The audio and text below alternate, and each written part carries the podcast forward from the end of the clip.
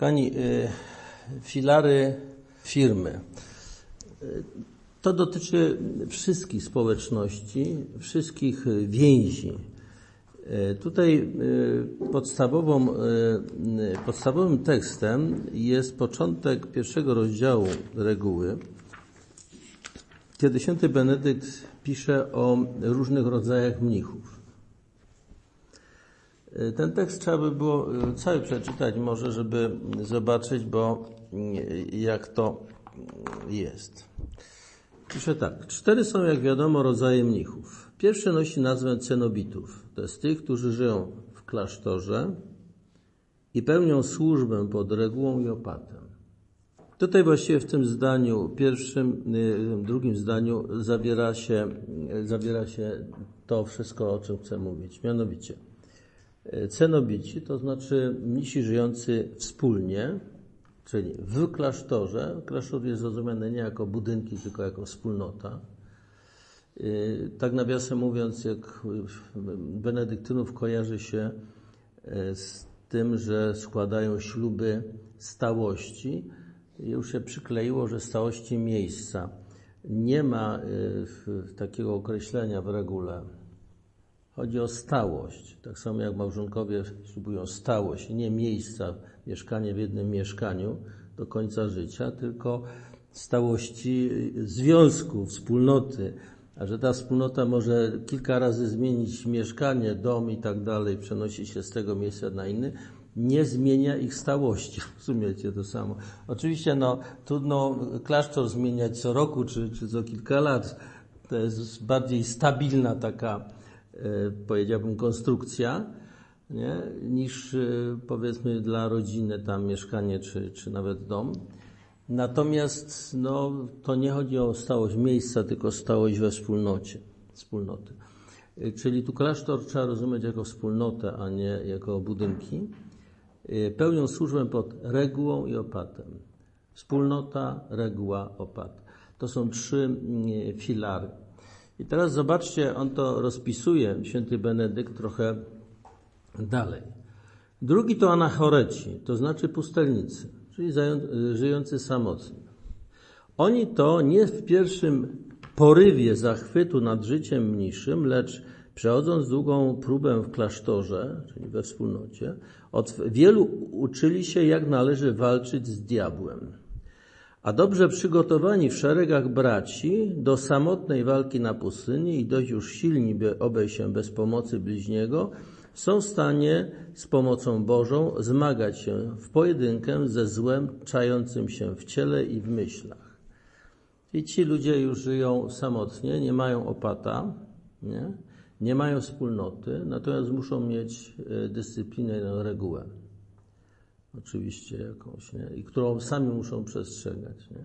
Ale nie mogą na to miejsce pójść e, sensownie, jeżeli nie są wyszkoleni odpowiednio, przygotowani do tego. Trzecim całkiem obrzydliwym rodzajem mnichów są sarabaici. Żadna reguła nie była im mistrzynią i nie wypróbowała ich jak złoto w ogniu. Rozmiękli jak ołów postępowaniu zachowują nadal wierność światu, a swoją tonsurą jawnie kłamią Bogu.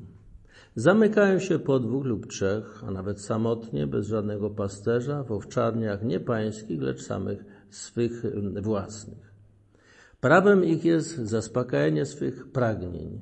Cokolwiek sobie zamyślą lub co wy, wybiorą, to mianują świętym, a czego nie chcą, to uważają za niedozwolone.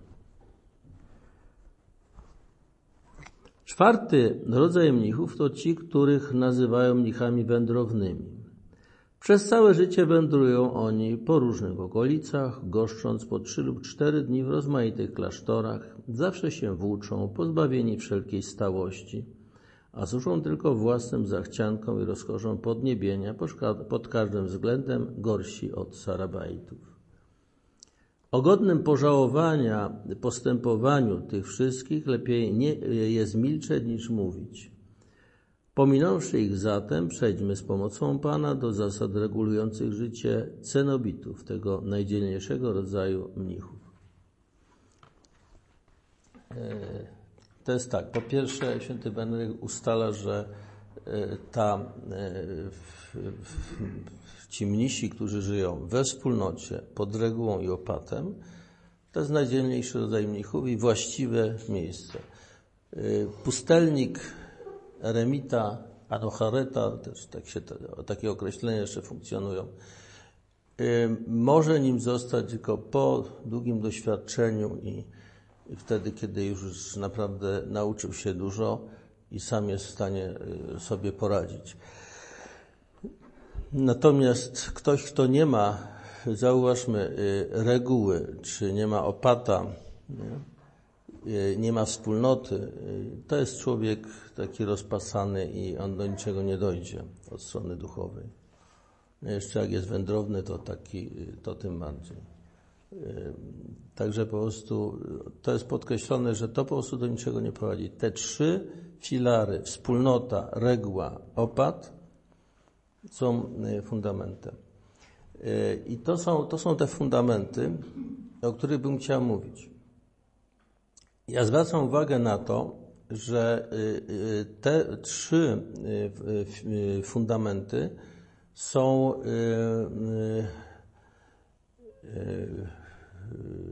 one muszą być w harmonii. Ja to czasami przyrównuję, wiecie, do, do stołu o trzech nogach. Stół o trzech nogach ma jedną y, fundamentalną y, taką, y, powiedzmy, cechę, bardzo dobrą, mianowicie on się nigdy nie chwieje. To z tej racji topologiczna zasada, że przez trzy punkty, o ile nie leżą na jednej linii, przechodzi tylko jedna płaszczyzna. Także po prostu, jak są cztery punkty, no to, no to jak one nie są w jednej płaszczyźnie, no to, to się będzie chwiało. To tak często jest z stołami. Stół o trzech nogach nigdy się nie chwieje. Tylko, że jest jeden problem. Jeżeli jedna noga jest krótsza, albo w ogóle tak jakoś różne te, to zupy z tego stołu nie zjecie. Bo się wyleje.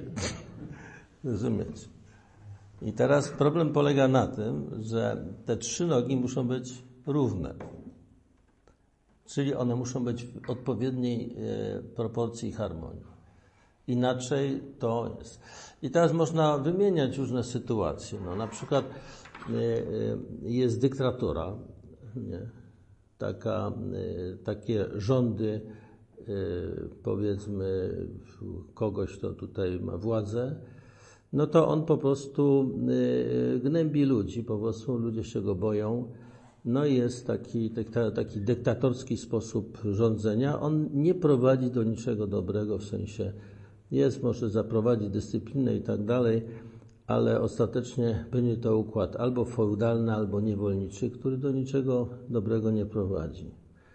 Ludziom się nie będzie chciało pracować, y, będą oczywiście się podporządkowywać i tak dalej, albo po prostu sobie dzisiaj pójdą do, było niewolnictwo, to niewolnik nie mógł odejść, bo, bo był przypisany do Pana, to samo jeżeli chodzi o chłopa feudalnego, natomiast dzisiaj pracownik może sobie po prostu powiedzieć dziękuję, do widzenia i tyle.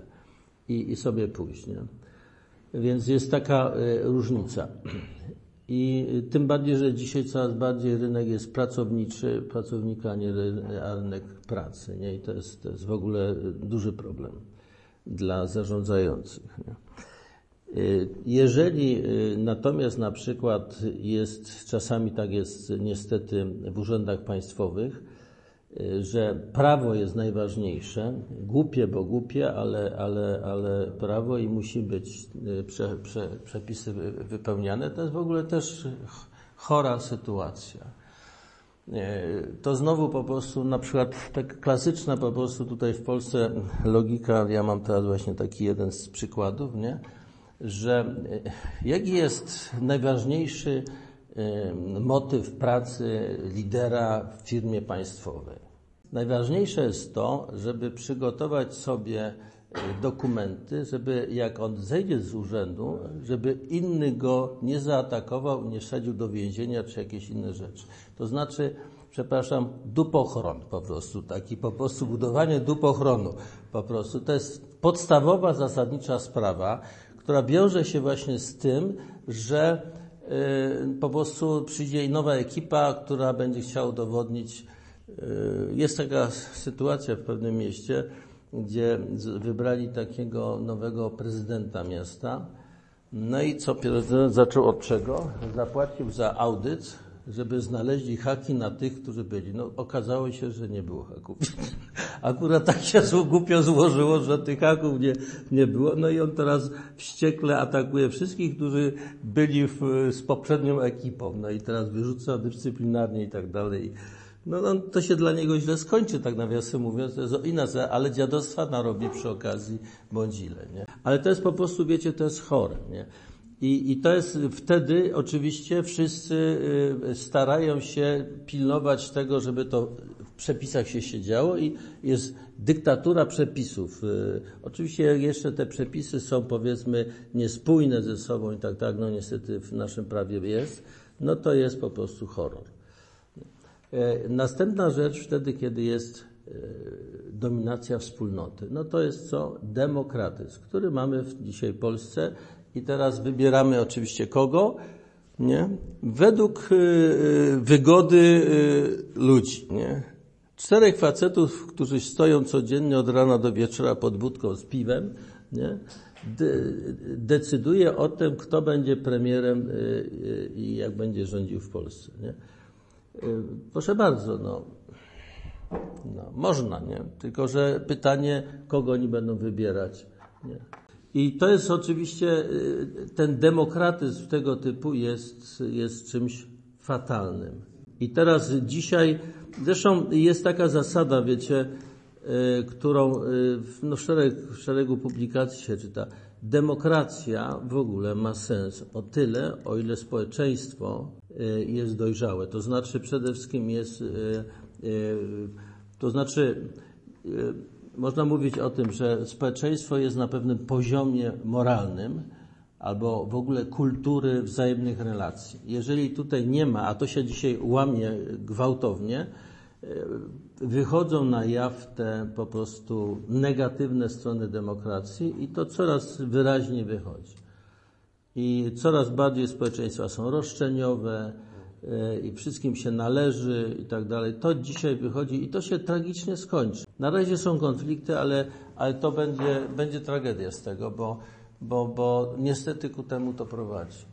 W każdym razie chciałem pokazać, że jeżeli są e, w tych, w tych trzech filarach, one zawsze są te filary, są, one są obecne, tylko czasami niektóre są w takiej w takim wycofaniu, atrofii jakiejś, że, że po prostu y, prawie, że ich nie ma.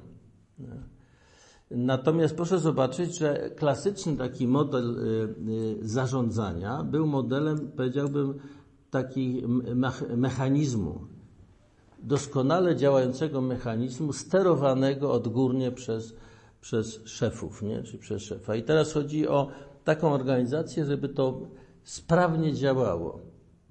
I w ogóle nie było mowy na przykład o, o wspólnocie. Troszeczkę e, taka taśma produkcyjna czy coś była takim ideałem, e, powiedzmy. Ten. Był ktoś, kto miał koncepcję, miał plan, dokładnie wiedział co, kiedy i jak i ustawił sobie takie, takie automaty przy, przy kolejnych procesach produkcyjnych i teraz ta cała maszyna miała wyrzucać produkt na zewnątrz i im sprawniej, im taniej i tak dalej, konkurencyjniej, tym lepiej.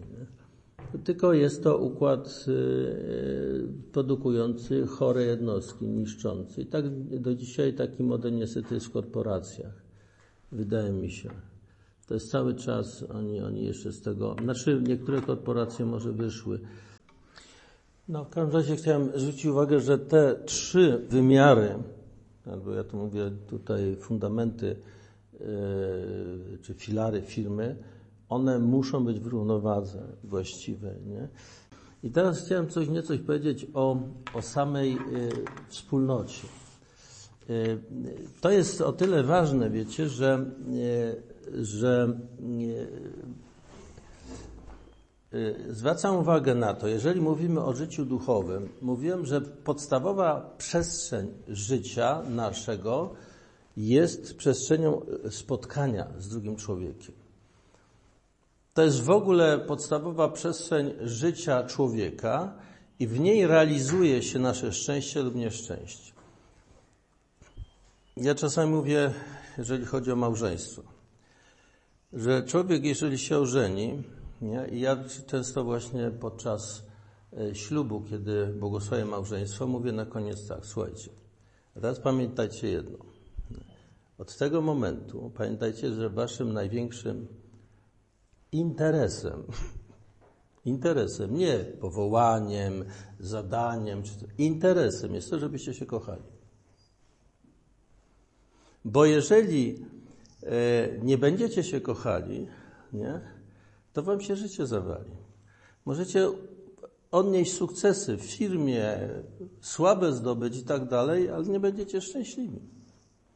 Jeżeli będziecie mieć kłopoty w życiu takie zawodowe, gdzieś tam egzystencjalne, typu, że nie, nie będziecie mieli dostatecznie wiele środków i tak dalej, a będziecie się kochali, będziecie szczęśliwi. Także waszym interesem najważniejszym jest to, żebyście się kochali. Bo, bo, bo ta właściwa relacja daje człowiekowi możliwość bycia szczęśliwym. I zwracam uwagę na to, że ta przestrzeń bycia osobowym, osobowym i tutaj e, bycia osobowego, i to szczególnie w tej relacji ja-ty, e, jest e, czymś dla nas najważniejszym. Jest interesem każdego z nas, żebyśmy byli w takich relacjach z innymi. Bo tylko wtedy my się, siebie samych realizujemy. Stajemy się sobą. Inaczej y, jest, jest źle. Tak mówiąc od, od strony, y, kochani, od strony w ogóle teologii, to proszę zwrócić uwagę na to, że tak jak się Pan Bóg objawia i finalnie się objawił, powiedzmy, y, przez przyjście Jego Syna na, na świat. Jaka jest, jaka jest prawda o Trójcy Świętej? Otóż dogmat głosi w ten sposób, że w Bogu wszystko jest jednością poza przeciwstawną relacją Ojca i Syna. Nie? Jest Ojciec, jest Syn i oni są w jedności przez Ducha Świętego. Ja to rysuję tak, że Ojciec rodzi Syna, Syn jest całkowicie Y, podporządkowany Ojcu czy w miłości. Ojciec też jest posłuszny Synowi, a to się dokonuje w Duchu Świętym. To jest takie psi symbolem Ducha Świętego. I to jest, y, to jest miłość, y, wzajemność całkowita, absolutna. I w tym pulsuje życie. I to jest komunia, Bóg jest komunią osób. Komunią osób. I w tym momencie y, ja sam twierdzę, że metafizyczną y, podstawą wszelkiego istnienia jest komunia Boga. Komunia jest tą metafizyką świata. W ogóle istnienia. I teraz proszę zobaczyć, co Bóg robi, stwarzając człowieka na swój obraz i podobieństwo. Stworzył ich mężczyzną i kobietą. I w tym drugim opisie jest tak, że stworzył tylko mężczyznę, ale mu brakowało czegoś. Stworzył kobiety i powiedział potem, i opuści y, y, y, mężczyzna ojca i matkę i połączy się ze swoją żoną i będą dwoje jednym ciałem. Kościół to z tego robi sakrament i robi dokładnie to, co tam jest. Mianowicie sakrament jest, zawieramy w Duchu Świętym. I teraz dopiero tutaj, kochani, widać to podobieństwo naprawdę Boga i człowieka. Człowiek się realizuje w pełni tylko w miłości. Tylko w miłości się realizuje. I ta miłość jest Duchem Świętym. Miłość, kochani, bo y, słowo miłość tutaj ma, powiedziałbym, takie jest dzisiaj trochę rozmyte, dlatego że y, od, powiedziałbym, końca średniowiecza, wtedy, kiedy nastąpiło zachwianie rozumienia pojęcia serca, miłość przede wszystkim jest rozumiana w kategoriach przeżywania emocji, uczuć. Miłość to są uczucia. Natomiast to nie jest tak. W Biblii jest zupełnie inaczej. Miłość to jest konkretna relacja. To jest konkretna relacja yy, i to jest tak, jak ten miłosierny Samarytanin, on konkretnie pomaga.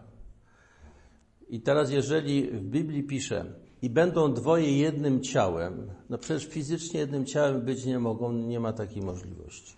Po prostu. Co to znaczy jednym ciałem? W ogóle pojęcie ciała w Biblii, szczególnie to widać u świętego Pawła, e, to jest troszeczkę inaczej rozumiane niż u nas. My, my ciągniemy linię, że tak powiem, od Greków. Myślenie greckie jest takie bardziej abstrakcyjne i tak dalej. I, I greckie myślenie od razu robi pewien podział, którego u Żydów nie ma. W związku z tym prowadzą do, do, do pewnych e, problemów, których e, w pewnym sensie Żydzi nie mają. Dlaczego? Dlatego, że może tak przytoczę. E, jest taka książka Historia duszy. Teraz nie pamiętam autora. Gość śledzi w filozofii całej próby połączenia bo człowiek jest jednością ducha i ciała, nie? Połączenia tego duszy i ciała w, w, całej filozofii zachodniej. I co? I to se nie da. To se nie ma takiej możliwości. Za każdym razem jest kocioklik z tego. Rozumiecie? No bo dlaczego? Bo ciało jest tak.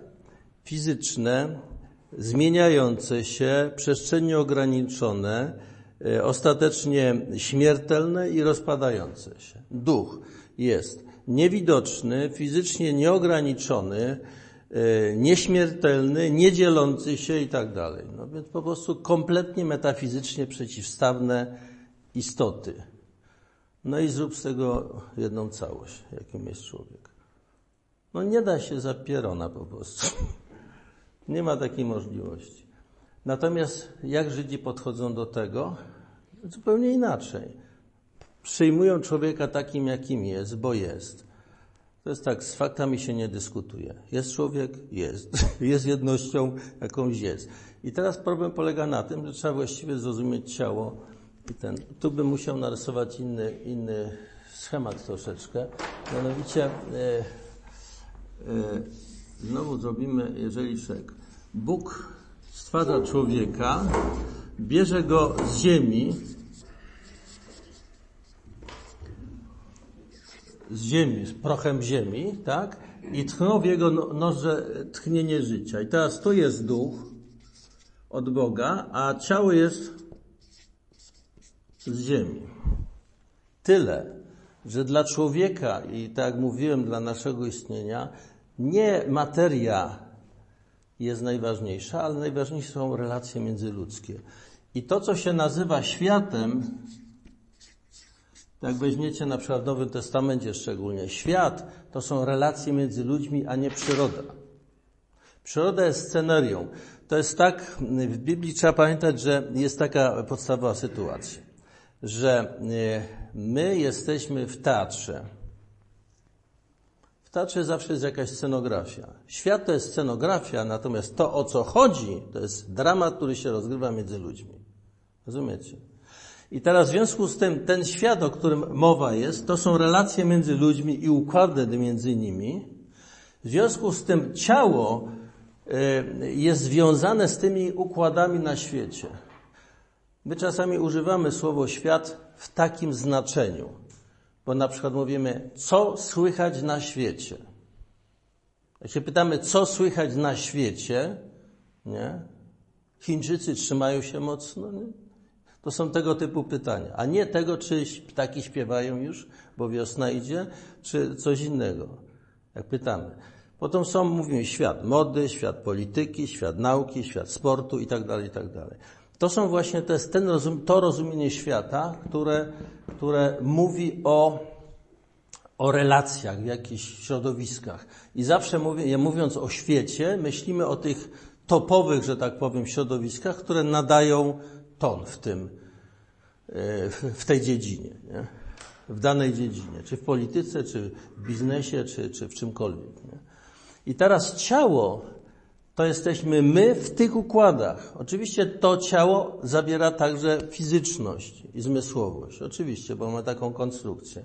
Dzięki temu mogę mówić, coś tam nadawać, wy dzięki uszom słyszycie i tak dalej. No Także ciało też ma w tym w sensie fizycznym udział. Natomiast ciało się nie sprowadza do, do fizyczności i zmysłowości, tylko jest, y, to jestem ja w tych relacjach, jakich jestem.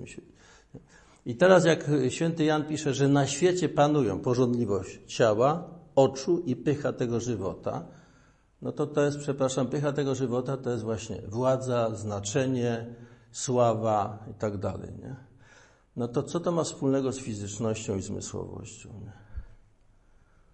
To nie ma nic wspólnego po prostu, bo oczywiście ciało jakoś jest wykorzystywane w tym, ale, ale zasadniczo chodzi o zupełnie coś innego. Więc zwracam uwagę, Bóg stwarzając człowieka, bierze go z tego układu, w jakim on jest, nadaje mu swojego ducha, tchnienie, które powoduje, co powoduje? Jak poznać, że człowiek ma ducha? No, prosta sprawa. Z elementarne doświadczenie. Nic, co jest na świecie, nie jest w stanie nas w pełni zaspokoić. To święty Augustyn mówi takie słynne zdanie w, w, w tym wyznaniach na początku, nie? Niespokojne jest moje serce, póki nie spocznie w Tobie, Boże. Niespokojne. Człowiek nigdy na ziemi nie znajdzie uspokojenia, zaspokojenia siebie, nie będzie w pełni, y, że tak powiem, szczęśliwy, będzie przeżywał pełnię. Chwilowa euforia, proszę bardzo, ale ona jest zawsze trwa krótko. Potem się zaczyna szare życie i, i, i tyle.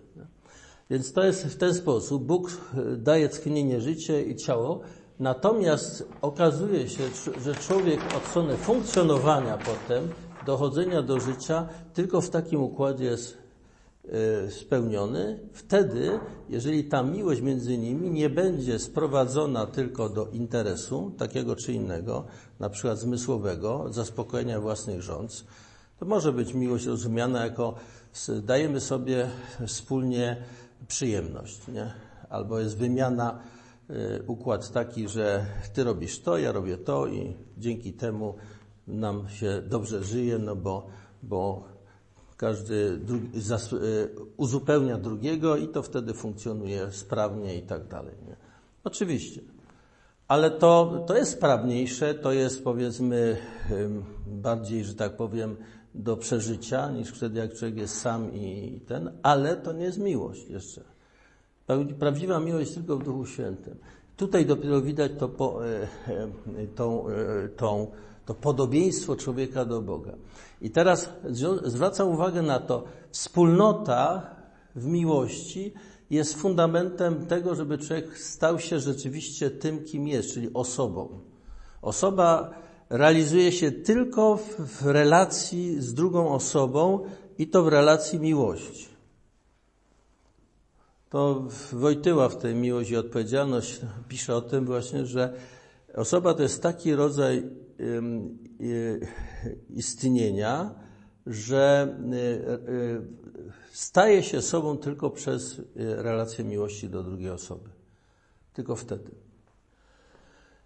Stąd zwracam, wracam do tego tematu wspólnota, która nie, nie ogranicza się, no, małżeństwo też jest wspólnotą, ale nie ogranicza się tylko do tam jednej osoby, tak jak w małżeństwie, tylko y, o taką relację w istocie chodzi zawsze, w każdej, w każdej praktycznie sytuacji. Zresztą, proszę Państwa, w związku z tym, y, jak ktoś mnie pyta, a co to jest duchowość? No to powiedziałem, duchowe jest to, kim się staje, robiąc to czy tamto. To jest ten wymiar duchowy. Jeżeli chodzi o duchowość chrześcijańską, od strony praktycznej, co to, co, czym jest duchowość chrześcijańska? Duchowość chrześcijaństwa to ni mniej, ni więcej, tylko życie w Duchu Świętym. I koniec. To jest jasna, czysta, ścisła definicja. Jeżeli ktoś by chciał, e, mówi, a co to znaczy, no to właśnie mu mówię, proszę bardzo. Otwieramy list do Galatów i tam w piątym rozdziale święty Paweł wylicza, wylicza owoce Ducha Świętego. I w ten sposób mówi, o tym, co jest. Może tak, y, wcześniej powiem, w przeciwieństwie do, do y, życia według ducha jest życie według ciała. Y, przy czym ciało jest korelatem, mówiliśmy, świata. Świat to są relacje między ludźmi. Na świecie panują porządliwość ciała, oczu i pycha tego żywota. Jeżeli ciało się dostosowuje do życia według tych porządliwości, no to jest tak. Jest zaś rzeczą wiadomą, jakie uczynki rodzą się z ciała. Nierząd, nieczystość, wyuznanie, bałwochwalstwo, czary, nienawiść, spory, zabić, gniew, pogoń za zaszczytami, niezgoda, rozłamy, zazdrość, pijaństwo, hulanki i tym podobne. Co do nich zapowiadam wam, jak to już zapowiedziałem, ci, którzy się takich rzeczy dopuszczają, Królestwa Bożego nie odziedziczą. Mówiąc językiem świeckim, ci ludzie nie dojdą do pełni siebie, nie dojdą do szczęścia. Nie ma takiej możliwości po prostu, bo człowiek ma taką konstrukcję, e, takie ukierunkowanie, jak e, będzie, to jest tak jak z samochodem. Jeżeli samochód jest na, na jest diesel, a wleje się benzynę, to niestety nie pojedzie. W każdym razie daleko nie ujedzie. I tyle. I koniec. No. I, I, można sobie po prostu, no i tak się niestety dzieje w różnych wymiarach i zdrowia, i, i relacji, i bycia szczęśliwym i tak dalej. Można zażywać różne używki, różne, próbować się rozrywać na różny sposób, nie? ale to nie daje szczęścia, nie ma takiej możliwości. Musi człowiek y, być tym, kim, jak jest stworzony, do czego jest stworzony. Stworzony jest do więzi, do miłości. Jeżeli tego nie realizuje, ma przechlapane i nie ma zmiłuj. Tu nie ma y, żadnego względu na osobę. Bo to jest pan prezes, czy pan król, czy pan prezydent, wszystko jedno. Kim jest, tak jest dziadem i koniec. No. Owocem zaś ducha jest miłość, radość, pokój, cierpliwość, uprzejmość, dobroć, wierność, łagodność, opanowanie. Nie? Przeciw takim cnotom nie ma prawa. A ci, którzy należą do Chrystusa Jezusa, ukrzyżowali ciało swoje z Jego namiętnościami i pożądaniami. Mając życie od ducha, do ducha się też stosujmy. Nie szukajmy próżnej chwały, jedni drugich dr, drażniąc i wzajemnie sobie zazdroszcząc. Do tych wymienionych tutaj owoców ducha trzeba dołożyć jeszcze e, przebaczenie, pokorę, wdzięczność, wytrwałość, żeby ta lista była w miarę pełna. To jest y, y, list do Galatów 5, 22 i następny, plus te cztery, które wymieniłem.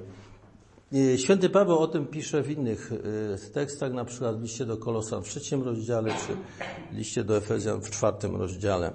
Albo też w innych, no w liście do Rzymian jest też, w hymnie o miłości to znajdziecie też te wszystkie rzeczy, które on tam mówi, tylko na troszeczkę w inny sposób wyrażone. Tutaj to jest powiedziane wprost namacalnie. Żeby to do, dopełnić jeszcze, proszę Państwa, to jest ścisłe określenie. Jak mówię życie według Ducha Świętego, a co to jest życie według Ducha Świętego, to się poznaje po owocach. A jakie to są owoce, wymieniłem. Owoców, proszę Państwa, nie da się podrobić. Za Chiny ludowe się nie da podrobić. Nie ma takiej możliwości. I dlatego to wychodzi wyraźnie, czy ktoś żyje według ducha, czy według ciała. W sensie tam świętego Pawła. Nie? I, I to wychodzi, nie ma zmiłuj. To widać wyraźnie. Eksperyment pokazuje. No. No. Kontra eksperymentu nullum argumentum. Jest doświadczenie jest po prostu. Nie ma dyskusji w ogóle w tym momencie.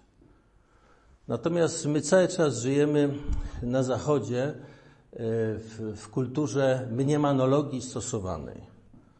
I się szerzy mniemanologię cały czas. To takie głupie rzeczy, że po prostu, no po prostu to jest taka żenada, że, że, że aż po prostu naprawdę boli. Nie. Nie chcę tu przykładów dawać po prostu, bo w każdym razie zwracam uwagę na to, że życie nasze, każdego z nas, e, jest zależne od tego, znaczy jakość tego życia, sens tego życia, od tego, na ile my rzeczywiście realizujemy siebie zgodnie z tą konstytucją, konstrukcją, jaką mamy przez stworzenie od Boga. A ta konstrukcja polega na tym, że możemy się zrealizować tylko w podobieństwie do Niego, w podobieństwie od strony y, Jego życia. Czyli w gruncie rzeczy od tego święty Jan mówi, Bóg jest miłością. Kto kocha, zna Boga. Kto nie kocha, nie zna Boga. Koniec kropka. Proste, jasne stwierdzenie, łopatologiczne. Kawa na ławę. I, i spokój. I, I, nie, ma, nie ma dyskusji. Tak, tak to po prostu jest i już. No. Jeżeli można z tym dyskutować, można tam próbować y, nazywać kota psem i tak dalej, proszę bardzo, ale po co taka zabawa? No? Komu to jest potrzebne? No? Natomiast człowiek z uporem maniaka próbuje takie rzeczy robić. W związku z tym, jedynie y, we wspólnocie, która musi być wspólnotą w jakimś rozumieniu miłości, y, można się realizować. Przy czym znowu tutaj y, będzie miłość. Tu są owoce wymienione. Święty Paweł je wymienia. Natomiast u nas niestety miłość jest rozumiana troszeczkę emocjonalnie. Najlepiej to wychodzi przy problemie miłości nieprzyjaciół. No jak też ja mogę kochać nieprzyjaciela? No jeżeli chodzi o emocjonalne podejście, no to wróg jest wrogiem. Trzeba uważać, bo może mi świnie podłożyć, może mnie opluć, może mnie wykorzystać i tak dalej, aż po zabicie włącznie. Nie? Więc trzeba być przezornym. Wróg jest wrogiem. Natomiast Biblia mówi dosyć ściśle na temat tego, co należy robić.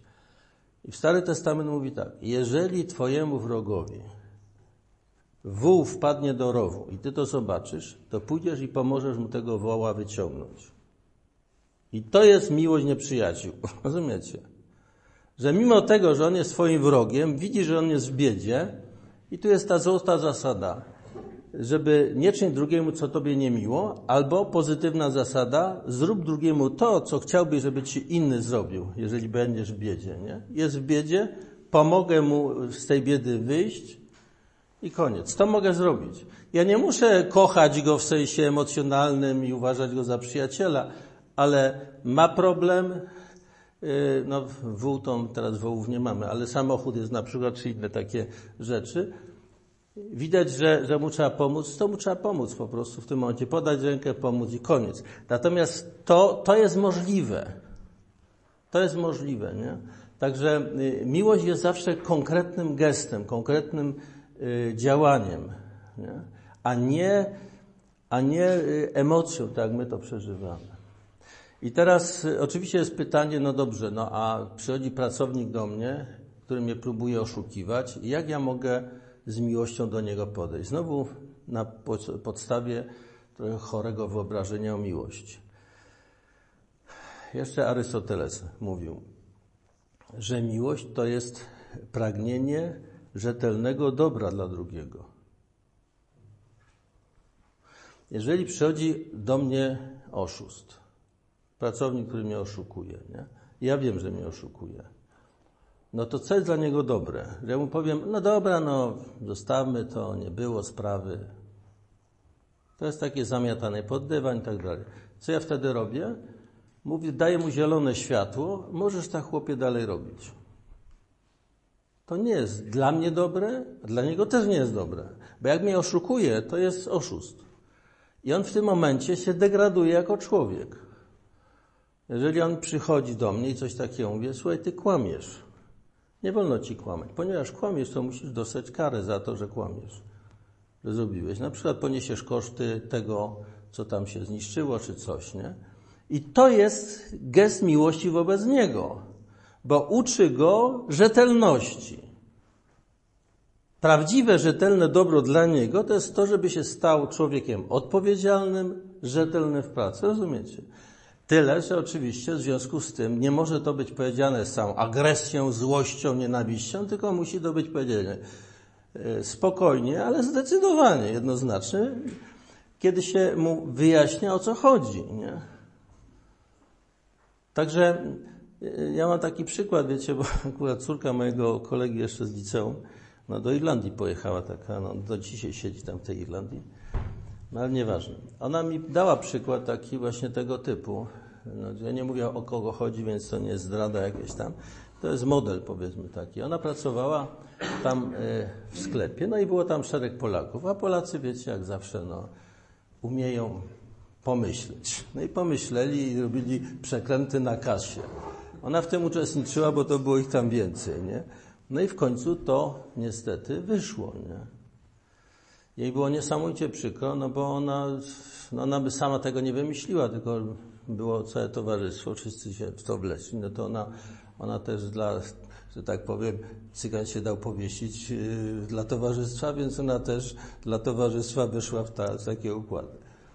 Ale potem kierowniczka, którą bardzo lubiła, bo ona jakieś tam była, i ta kierowniczka jej mówi tak, słuchaj, ja cię bardzo lubię, ale dlatego, że cię bardzo lubię, ja cię zwalniam. Bo ty musisz odczuć y, na sobie ciężar tego, co zrobiłeś, żeby się nauczyła uczciwości. To samo w domu, jeśli dziecko się wychowuje, trzeba je ukarać. Jak, to jest osobna sprawa, ale trzeba je ukarać, żeby ono czuło, że tak nie wolno. Bo jeżeli się toleruje byle co, to się toleruje, to tak, jakby się pozwalało chwastom rosnąć na grządce, po prostu. No, taki obraz, nie? I to nie jest dobre dla dziecka. To samo nie jest to dobre dla pracownika i tak dalej. Więc proszę pamiętać, że w tym momencie miłość. I mało tego, proszę zobaczyć, że ta relacja ja-ty jest relacją odpowiedzialności. Zarówno w Starym, jak i Nowym Testamencie funkcjonuje nakaz napomnienia braterskiego. Jeżeli widzisz, że ktoś robi źle, to masz obowiązek mu to powiedzieć. Święty Benedykt w regule bardzo wyraźnie mówi o zakazie szemrania. Szemranie to jest narzekanie na, na innych. Nie? To może być nawet wewnętrzne szemranie. Jeżeli widzisz, że jest coś złe, idź i, i powiedz to temu człowiekowi. Jeżeli on cię nie posłucha, to już jest jego problem. Ja mu powiedziałem, ja swój obowiązek wypełniłem, ja go napomniałem. Oczywiście tu jest problem kultury, powiedzenia i tak dalej. To jest bardzo ważna sprawa. To jest trudny wymiar miłosierdzia, bardzo trudny, ale na tym się sprawdza, na ile ja jestem rzeczywiście człowiekiem, przyjacielem tego, tego drugiego człowieka, czy ja mam do niego życzliwy stosunek. Wtedy, kiedy umiem mu powiedzieć trudną prawdę. Jeżeli nie umie, chowam się, no to, to traktuję go jako kogoś, kto jest dla mnie wygodny i nie chcę stracić y, miłej relacji ewentualnie poparcie z jego strony, czy jakiś tam usług ewentualne, bo się może obrazić, więc stracę właśnie poplecznika, czy, czy, czy przyjaciela fałszywie rozumianego, no i no niestety konsekwencje są często takie, że, że on się obrazi na nas, odwróci i będzie nas uważał za wroga. Niestety. Ludzie są mało dojrzali często, no i takie są konsekwencje, ale trudno. To jest wyraz miłości de facto, to napomnienie braterskie. Zwracam uwagę na to, że model korpora- taki e, model, e, taki jak jest w korporacjach często, że tam jest, mnie często o tym mówią, to jest wyścig szczuru, jak się mówi. Nie? Konkurencyjność, nie będziemy konkurencyjni. Proszę zobaczyć, że to jest nastawione na sprawność jednostki sprawność. Teraz te korporacje zaczynają odkrywać to, że jest ważna sprawność zespołu, a nie jednostki. Zespół jest ważny, a nie jednostka. E, I teraz ten wyścig szczurów prowadzi tak naprawdę do budowania tego ego. Niestety taki jest, e, taki jest ostatecznie efekt tego. Zresztą y, my mamy dużo takich elementów, na przykład to, że każdy chce być nie gorszy przynajmniej niż sąsiad, czy coś i też się musi wykazać, czy, czy domem, czy samochodem, czy nie wiadomo czym tam jeszcze. I, i, I, to jest takie ważne, bo jeżeli ja nie będę na tym poziomie, no to ja wiem, nie jestem nikim i w związku z tym no jest tragedia. No. To nastawienie na sprawność jednostki prowadzi do budowania swojego ego. No i w tym momencie akurat do tragedii, do śmierci duchowej, de facto. I to pasuje do tego modelu sterowania odgórnego firmą czy zespołem. Nie? Natomiast we wspólnocie ważne jest, to jest to święty Paweł pisze, 12 rozdział listu do Koryntian o Kościele, jako o, on to nazywa, to jest ciało Chrystusa. Ja bym użył raczej słowa organizm. Wspólnota jest takim organizmem. I tak w organizmie, proszę, proszę Państwa, wystarczy, że mnie boli ząb, na przykład dzisiaj, wściekle boli ząb. Głupi ząb nie, nie pozwala mi normalnie pracować. Nie? No to wyłącza mnie. Głupia jakaś drobna rzecz. Yy, albo powiedzmy noga mnie boli czy coś. No w każdym razie coś, jedne, jeden organ jest bolący i powoduje, że cały organizm fatalnie funkcjonuje i, i, i mam kłopoty z realizowaniem podstawowych nawet funkcji y, organicznych. Nie?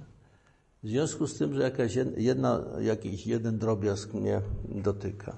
I w związku z tym y, y, w myśleniu organicznym myśli się o całości, o sprawności całości i takim zespoleniu, takiej współpracy wzajemnej jednostek, czy tych organizmów, czy organów poszczególnych, aby cały organizm był sprawny i realizował to, co do niego należy. Y, ani usługi, ani produkcja, czy inne rzeczy y, nie są realizowane solo, tylko zawsze przez zespół, nie? Zawsze przez, y, przez cały organizm, a nie tylko przez Oczywiście gdzieś tam powiedzmy na finiszu jest jakaś jednostka. No jeżeli ktoś w marketingu, no to on jest jeden w marketingu, a tam za nim jest kilkadziesiąt osób, nie? Które, które pracuje w organizacji, w księgowości, w produkcji i tak dalej, i tak. Nie? I widać tego człowieka. Nie? Natomiast de facto to on reprezentuje firmę, a nie siebie. Nie? On sam, sam tego przecież czym handluje nie produkuje, nie? tylko to inni robią. On, on jest wizerunkiem tej całej firmy. Trzeba pamiętać, że całość musi być e, jednością. Stąd wspólnota harmonijnie współdziałających ze sobą ludzi, którzy, który, którzy są w takich relacjach, nie w relacjach konkurencji między sobą, w relacjach, jeszcze wiecie, takie pojęcie było zarządzanie przez konflikt. No po prostu to jest jakieś diabelstwo straszne. To uciekać z takiej, z takiej firmy i niech się tam chcą zabijać, to się nie zabijają, proszę bardzo, jak to stwarza przyjemność. No są faceci, którzy wychodzą na ring i się walą po gębie i, i tyle, że oni to robią dla pieniędzy. No, Inni się płacą za, za widowisko, no a ci goście po prostu zarabiają pieniądze, to jest ich praca, no i okej, okay, no. Ja rozumiem, że coś takiego jest, ale normalnie, że dla, dla, dla no to jest po prostu jakieś wariactwo. Zupełnie bez sensu, nie? To musi być, e, musi być dbałość o te właściwe relacje w zespole. Oczywiście, żeby tak było, no musi być właściwe pojęcie sprawiedliwości, dowartościowania nawet tych ostatnich ludzi, tych, których robią najbardziej takie, powiedzmy, rzeczy typu sprzątanie czy coś takiego. Po prostu to oni muszą być zauważeni. Cały zespół musi się czuć tutaj ważny, bo oni reprezentują e, i, i ich praca potem daje ostateczny efekt. Dlatego tu jest cała, całe budowanie wspólnoty. Więc kochani, y, drugim filarem, tak powiedziałem już, jest reguła. Czyli właściwie zasady, które rządzą y, daną e, wspólnotą czy firmą, zasady, które tam obowiązują. Y, pierwsza uwaga taka zasadnicza polega na tym, że y, każdy rządzi się jakąś zasadą w życiu. Problem polega tylko na tym, czy sobie to uświadamia, czy sobie nie uświadamia, ale każdy w gruncie rzeczy jakąś zasadą y, w życiu się kieruje. Przy czym y, kiedyś wyszła taka książka Ericha Froma, Ucieczka od wolności. Nie wiem, czy pamiętacie, taka książka, ona wyszła u nas tłumaczenie wyszło w latach 70. Ja wtedy mniej więcej przeglądałem. Fromm y, twierdził y, tak, że jeżeli człowiek y, nie ma w życiu jakiegoś autorytetu wybranego, to tak czy inaczej będzie rządzony przez autorytet przez niego nieuświadomiony.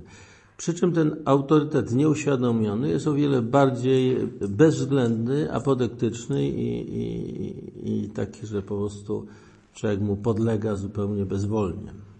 O czym on nie wie.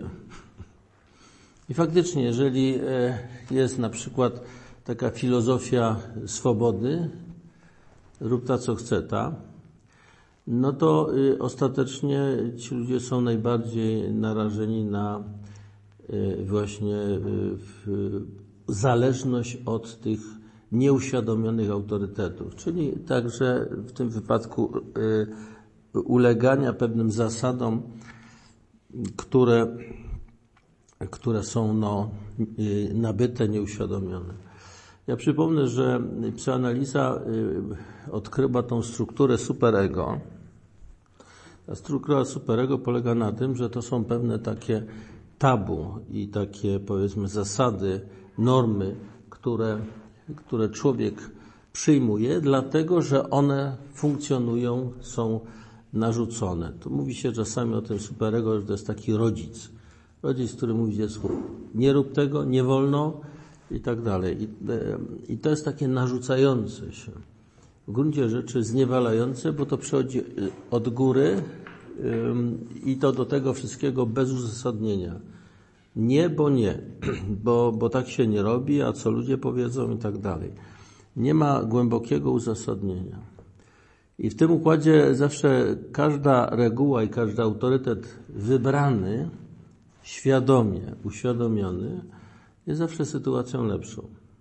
Dlatego, że człowiek przynajmniej wie, według czym się y, kieruje w życiu, do czego to prowadzi, jaki to, jaki to ma sens i tak dalej. I zawsze, kiedy dojdzie do jakiejś tam świadomości i na przykład stwierdzi, że to, te zasady są niewłaściwe, nielogiczne czy co, czy jemu nie odpowiadają według wartości, zawsze je może korygować. Najgorsze autorytety są te nieuświadomione. Generalnie rzecz biorąc, trzeba powiedzieć tak, że tak naprawdę tymi nieuświadomionymi autorytetami najbardziej rządzi, mówiąc tak już językiem religijnym, szatan. On jest księciem ciemności, czyli księciem tego, co jest ukryte, którego, czego nie widać, czego no, się ukrywa po prostu za, za pewnymi mechanizmami, które istnieją, ale, ale jego tam nie ma jakby. Nie, nie, nie, nie widać go nie? za tym wszystkim. Natomiast y, wejście do światłości polega właśnie na świadomości tego, czym żyjemy, jak żyjemy, dlaczego tak, a nie inaczej i tak dalej. Stąd y, to jest po prostu y, bardzo ważna sprawa. I to trzeba sobie i w życiu, także w życiu rodzinnym, czy, czy w, w, w pracy także, to musi być ustalone. Muszą być pewne fundamentalne wartości, są oczywiście cele, e, środki realizacji, jakie są środki godziwe, jakie są niegodziwe do realizacji tych celów i tak dalej. Zasady rządzące relacjami między, między członkami i tak dalej. One muszą być określone i wybrane. I to jest niezmiernie ważne. żeby to e, e, wybrać. E, reguła w życiu jest czymś bardzo ważnym. Ona wyznacza kierunek. W ogóle określenie reguła to jest, to jest z łaciny listwa pierwotnie. Listwa, linia, prosta, wytyczka drewniana. W drugim znaczeniu to jest prawidło, norma, zasada, przepis, który wskazuje pewną orientację, pewien kierunek. Przy czym nie, oczywiście w życiu monastycznym reguła ma wszystkich prowadzić do do życia wiecznego, do zbawienia. I to jest w życiu y, monastycznym ten kierunek jest tego typu. Natomiast jeżeli chodzi o y, zasady funkcjonowania jakiejś firmy, no to jej cele są określone charakterem, czy to są usługi, czy to jest produkcja, czy to jest jakiś urząd, czy, czy ja nie wiem, co tam jeszcze może być. No, na przykład może być szkoła. No. I tam y, cel jest określony tym wszystkim. Y, w jaki sposób. Natomiast y, potem muszą w tym być zawarte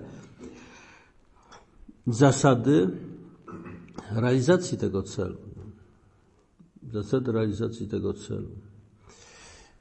Tutaj chciałem zwrócić uwagę na takie sprawy, że z jednej strony te zasady, które się przyjmuje i według których się człowiek kieruje, powinny być jasno określone, to jest raz. A po drugie, że te zasady trzeba szanować. Trzeba je szanować. Z drugiej jednak strony te zasady nie mogą być absolutem. Bo mówiliśmy już o tym, jeżeli norma jest ponad dobrem człowieka, to jest taka sytuacja jak w Ewangelii. Nie? Pan Jezus y, y, dochodzi do konfliktu między Jezusem a faryzeuszami, bo oni ściśle przestrzegali prawa, tylko że prawo y, i wszystkie normy i reguły ma to do siebie, że ono nigdy nie jest w stanie objąć wszystkich sytuacji życiowych. Życie jest zawsze bogatsze od, od przepisów. Dlatego też nawet w prawie mówi się o tym, że jest istotny duch prawa albo intencja prawodawcy. I według tego trzeba dopiero, według tego kryterium trzeba oceniać sytuację.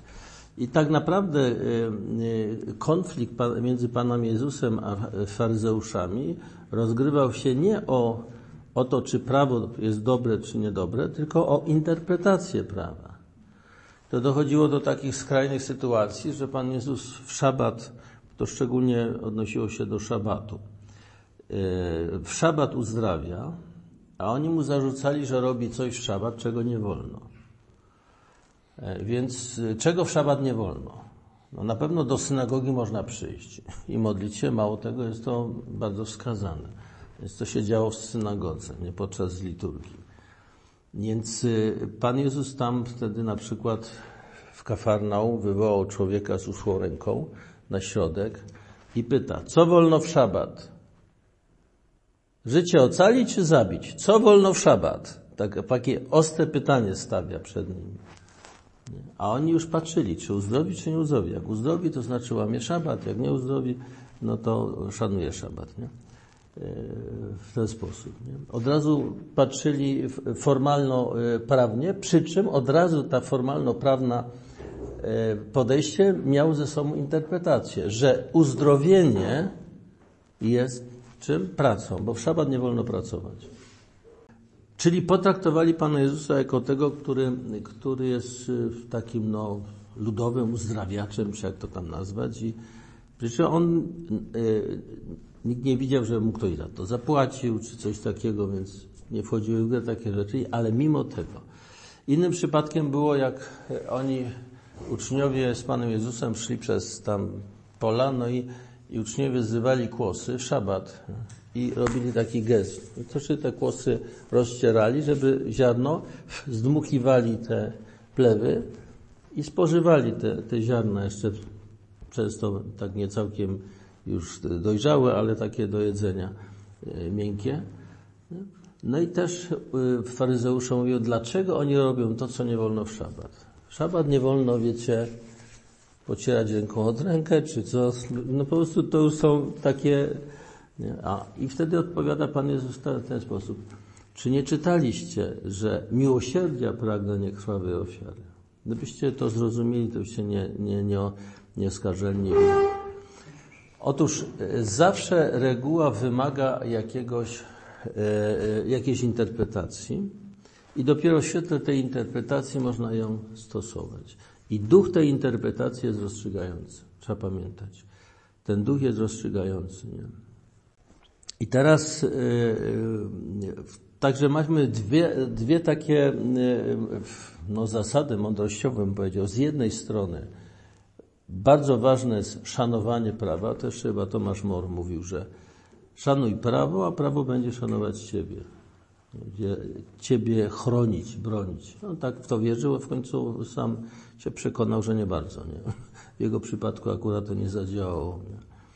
Jego ostatecznie skazali na śmierć i ścieli. Nie? Chociaż był niewinny. Nie? Ale tak mówił. Nie? Szanowanie prawa, szanować prawo, to nawet jeżeli ono nie jest doskonałe, to jest coś dobrego, dlatego że wtedy człowiek ma, wie, w jaki sposób może się bronić, chronić i tak dalej. Samo prawo go chroni.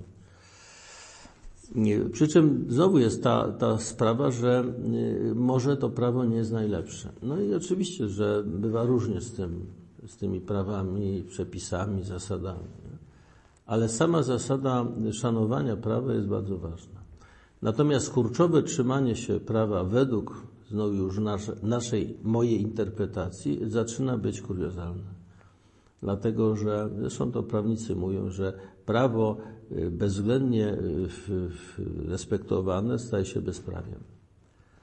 Ono jest w stanie zniszczyć człowieka i niektórzy to wykorzystują w sposób taki, powiedziałbym, wyrachowany, brutalny i, i ugrywają swoje. Więc to są y, y, ten. Natomiast y, ważne są jeszcze takie uwagi do tego, to w regule bardzo świętego Benedykta bardzo wyraźnie wychodzi. Reguła jest takim przedziwnym tekstem prawnym, bo ona, jak nazwa wskazuje, daje regułę zasady życia. Wspólnoty mnichów. Ona te zasady y, życia wspólnoty mnichów, jak się okazuje, są bardzo, bardzo y, dobre także w przypadku innych wspólnot, na przykład rodzinie i tak dalej. Bardzo łatwo można przenieść te zasady na, na życie w takich wspólnotach. Natomiast święty Benedykt to jest jedyny taki chyba kodeks prawny w historii Kościoła, w którym autor pisze tak – należy to i to tak i tak robić. Ale jeżeli opad i wspólnota dojdzie do wniosku, że lepiej jest zrobić inaczej, trzeba robić inaczej. Rozumiecie? To jest jedyny tekst prawny, który w ten sposób tylko trzeba wiedzieć w odniesieniu do czego. I tutaj chciałem powiedzieć o takich e, poziomach e, tych reguł czy zasad. W odniesieniu do reguły y, mamy trzy różne poziomy. E, pierwszy poziom, najważniejszy, to jest właściwie odniesienie się do tego, co głosi Ewangelia czy Pismo Święte. I to są wtedy normy, które są no, w Piśmie Świętym, są podane przez Pana Boga, i one są niewzruszone. Te zasady i normy. One są takie i muszą być y, respektowane e, pod sankcją tego, że człowiek zdradza w ogóle to, że, że wypełnia e, no, zasady życia chrześcijańskiego. E, tutaj trzeba e, przy okazji powiedzieć, że niestety o tym się często zapomina i mam wrażenie, że w formacji takiej tych różnych ludzi z kościoła o tym się zapomina. Mianowicie jest taka zasada. Pierwsze trzeba być człowiekiem. Jak się jest człowiekiem, to można zostać chrześcijaninem, a potem dopiero można zostać mnichem, kapłanem czy kimkolwiek innym. Rozumiecie? Więc jest człowiek, chrześcijanin, potem dopiero y, członek zakonu, czy duchowny, czy zakonnica, czy, czy mąż, żona i tak dalej. Taki porządek. I to odpowiada mniej więcej tym poziomom. Najważniejsze jest to, że są pewne zasady, normy, które wynikają wprost z Pisma Świętego, są podstawowe, niewzruszone. Jeżeli człowiek je przekracza, po prostu grzeszy. Jest to niedo, niedopuszczalne. I tutaj, tutaj nie ma jakiejś, y, jeżeli ktoś uważa inaczej, to niech robi inaczej. Nie. Tego w tym, na, w tym poziomie nie, na tym poziomie nie ma. Drugi poziom, jeżeli chodzi o regułę, to są y, relacje y, osobowe i podstawowe struktury odnoszące się do życia wspólnotowego. Na przykład, jeżeli chodzi o, o mnichów, stałość życia we wspólnocie jako niepodważalna zasada i punkt wyjścia. Nie? Tutaj są jakieś zasady wyboru opata, relacji, podlegania, przy, posłuszeństwa i tak dalej. Struktura władzy, którą trzeba akceptować i wybrać. W życiu y, zwykłym, świeckim są, jest podobnie. Na przykład, y, oczywiście wszystkich obowiązuje, y, powiedzmy, taki podstawowy kodeks moralny, nie? który wynika, no, z, kiedyś to się nazywało prawo naturalne. Ja uważam, że takie prawo naturalne jednak istnieje, chociaż to jest podważane dzisiaj, ale jest.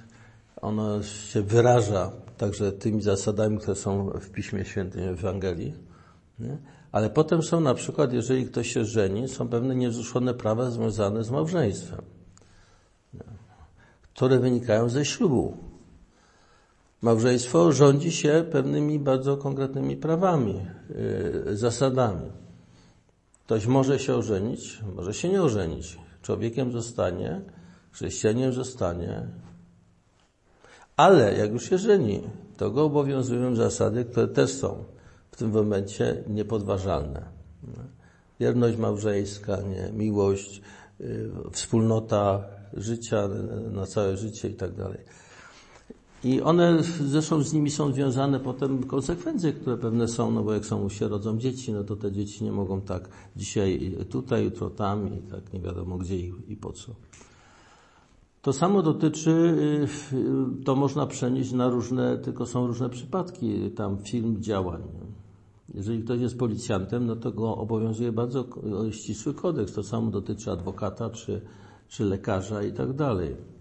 Są pewne zasady, normy, które on musi spełniać. Jeżeli je przekracza, to to może być postawiony y, przed sądem nawet, czy to koleżeńskim, czy nawet sądem takim y, ogólnym. Nie? Są niewzruszone zasady tutaj odnoszące się do, do, do tego. To samo jest prawo pracy na przykład obowiązuje, które musi być respektowane w każdej firmie. Chciał, nie chciał, bo pod sankcją tego, że ktoś tam y, może zaskarżyć i, i, tak dalej. To są, to są tego, ten, ten wymiar. I potem trzeci y, y, poziom, to jest poziom związany z pewnymi zasadami i normami, które my sobie przyjmujemy nie? i które staramy się realizować, bo one pozwalają nam właściwie funkcjonować. W każdym razie y, są zasady takie, które, które ustalają y, już dane firmy i one mają taki związany z tym etos. Często to jest związane też na przykład z zasadami usługi. Ja wiecie, kiedyś wam opowiem taką historię, którą mi opowiadał święty pamięci ojciec Bernard Turowicz, który zmarł w 1989 roku. Jego przyjaciel jeszcze przed wojną, przed drugą wojną światową, mówi o tej wojnie, on miał Rolls Royce'a i wybrał się do Anglii tym samochodem. I tak się zdarzyło, że gdzieś w Belgii ten samochód mu zgasł. Nie mógł go ruszyć. Tam niedaleko był jakiś taki hotel czy motel, więc tam poszedł. No i, i, i dzwoni do, do, do Anglii, tam do, do, do firmy, że ten samochód się zepsuł. A mówi, tak, zepsuł się pan ten samochód. No tak, mówi, no i a gdzie pan jest? No mówi, w Belgii, gdzie miejsce określił, miejsce i tak dalej. Mówi, proszę pana, proszę zanocować w hotelu, my to za pana zapłacimy. Ktoś tam przyjedzie, naprawi samochód. Rzeczywiście jakiś tam samolotem przylecieli, naprawili samochód, on następnego dnia wsiadł, no i pojechał sobie dalej. I ponieważ on tam gdzieś był niedaleko tej miejscowości, gdzie tego Rolls robią, przyjechał do firmy i chciał mi podziękować. Przyszedł do dyrektora, tam mówi, pan, no bardzo panu dziękuję za taką interwencję, za, za to naprawienie i tak dalej. A ten dyrektor mówi, Przepraszam, nie rozumiem, o czym pan mówi. No przecież byłem w Belgii i tak dalej. Proszę pana, nasze samochody się nie psują. O czym pan mówi? Rozumiecie? Nasze samochody się nie psują.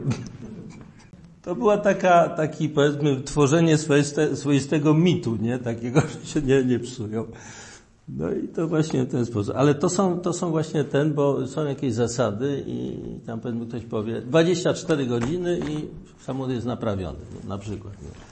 No i albo wymieniamy zaraz, podkładamy, podstawiamy inne. Takie różne po prostu zasady, ale y, dla mnie w tym momencie ważne są zasady związane z relacjami osobowymi, zarówno w firmie, relacjami między pracownikami, z władzą i tak dalej, tutaj te zasady funkcjonowania, plus zasady, sposób traktowania partnerów, klientów, który, którymi firma współpracuje.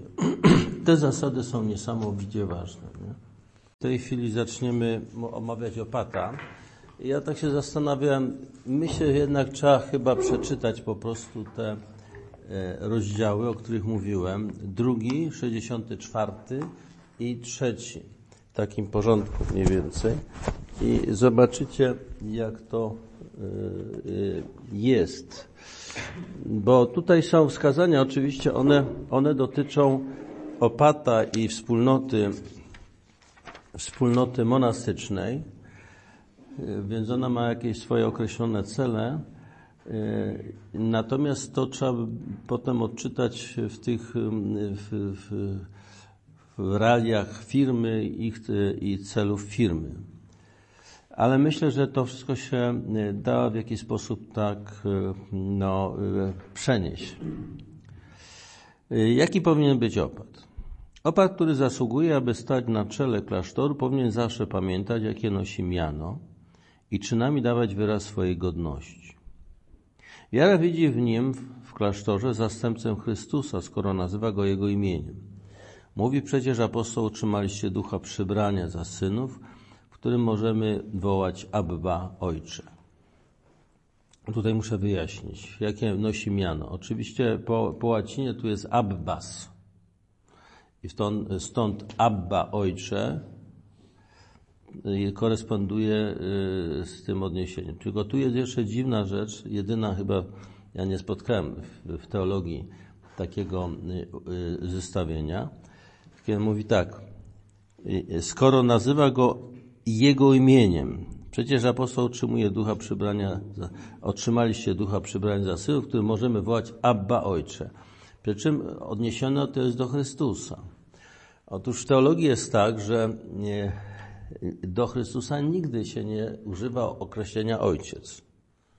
Abbas. Abbas zawsze odnosi się Abba do Ojca, Boga Ojca. Bo w, w, w teologia, w teologii jest taki dogmat, który mówi, że w Bogu wszystko jest jednością poza przeciwstawną relacją Ojca i Syna.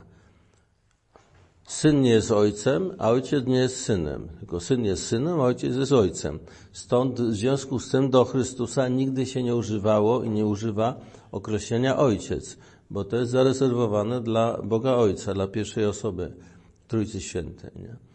No, natomiast tutaj pojawia się to określenie jego imieniem, przecież wołamy Abba, Ojcze, nie?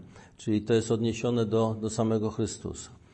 Y, to z kolei wynika z tradycji monastycznej, dlatego że y, mnisi, którzy szli na, gdzieś na pustynię, tam samotnie się borykać ze sobą i, i, i że tak powiem, szukać y, Pana Boga, ci bardziej dojrzali, potem stawali się ojcami duchowymi dla tych młodszych. Nie?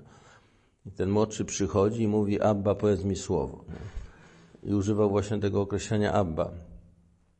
No i, i natomiast dla mnichów tym nauczycielem prowadzącym i tak dalej jest Chrystus. Stąd właśnie tym prawdziwym Abba jest Chrystus, ale jako przewodnik, jako, jako ojciec duchowy. Nie? I to jest z tej tradycji to wzięte. W każdym razie no, jest to takie, taki wyjątkowy w ogóle przypadek, żeby do Chrystusa odnosić słowo Abba.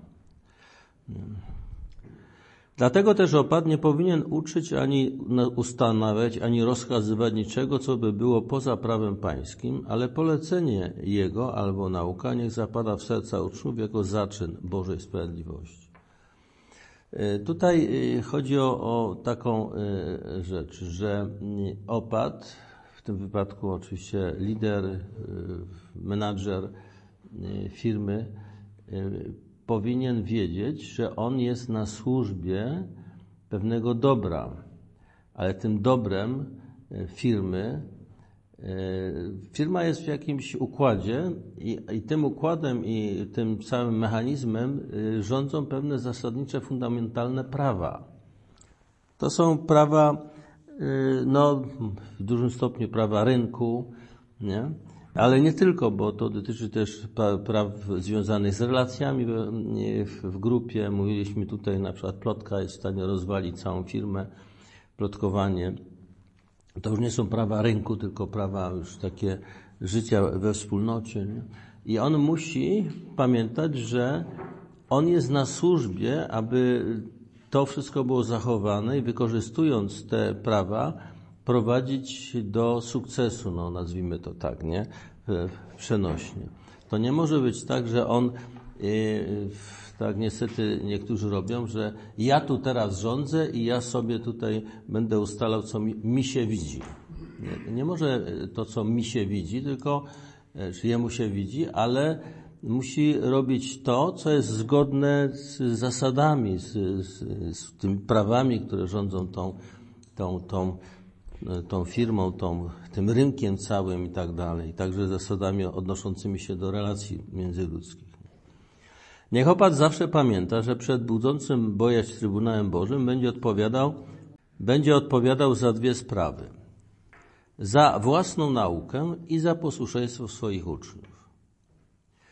Proszę zobaczyć, tu odpowiedzialność jest tego typu. Za własną naukę to jest oczywiste że jest fachowcem, zna się na sprawie, zna te zasady, wie jak to wszystko funkcjonuje i musi być w tym uczciwy i, i to no, umiejętnie wprowadzać, pouczać i wprowadzać w życie. To jest oczywiste.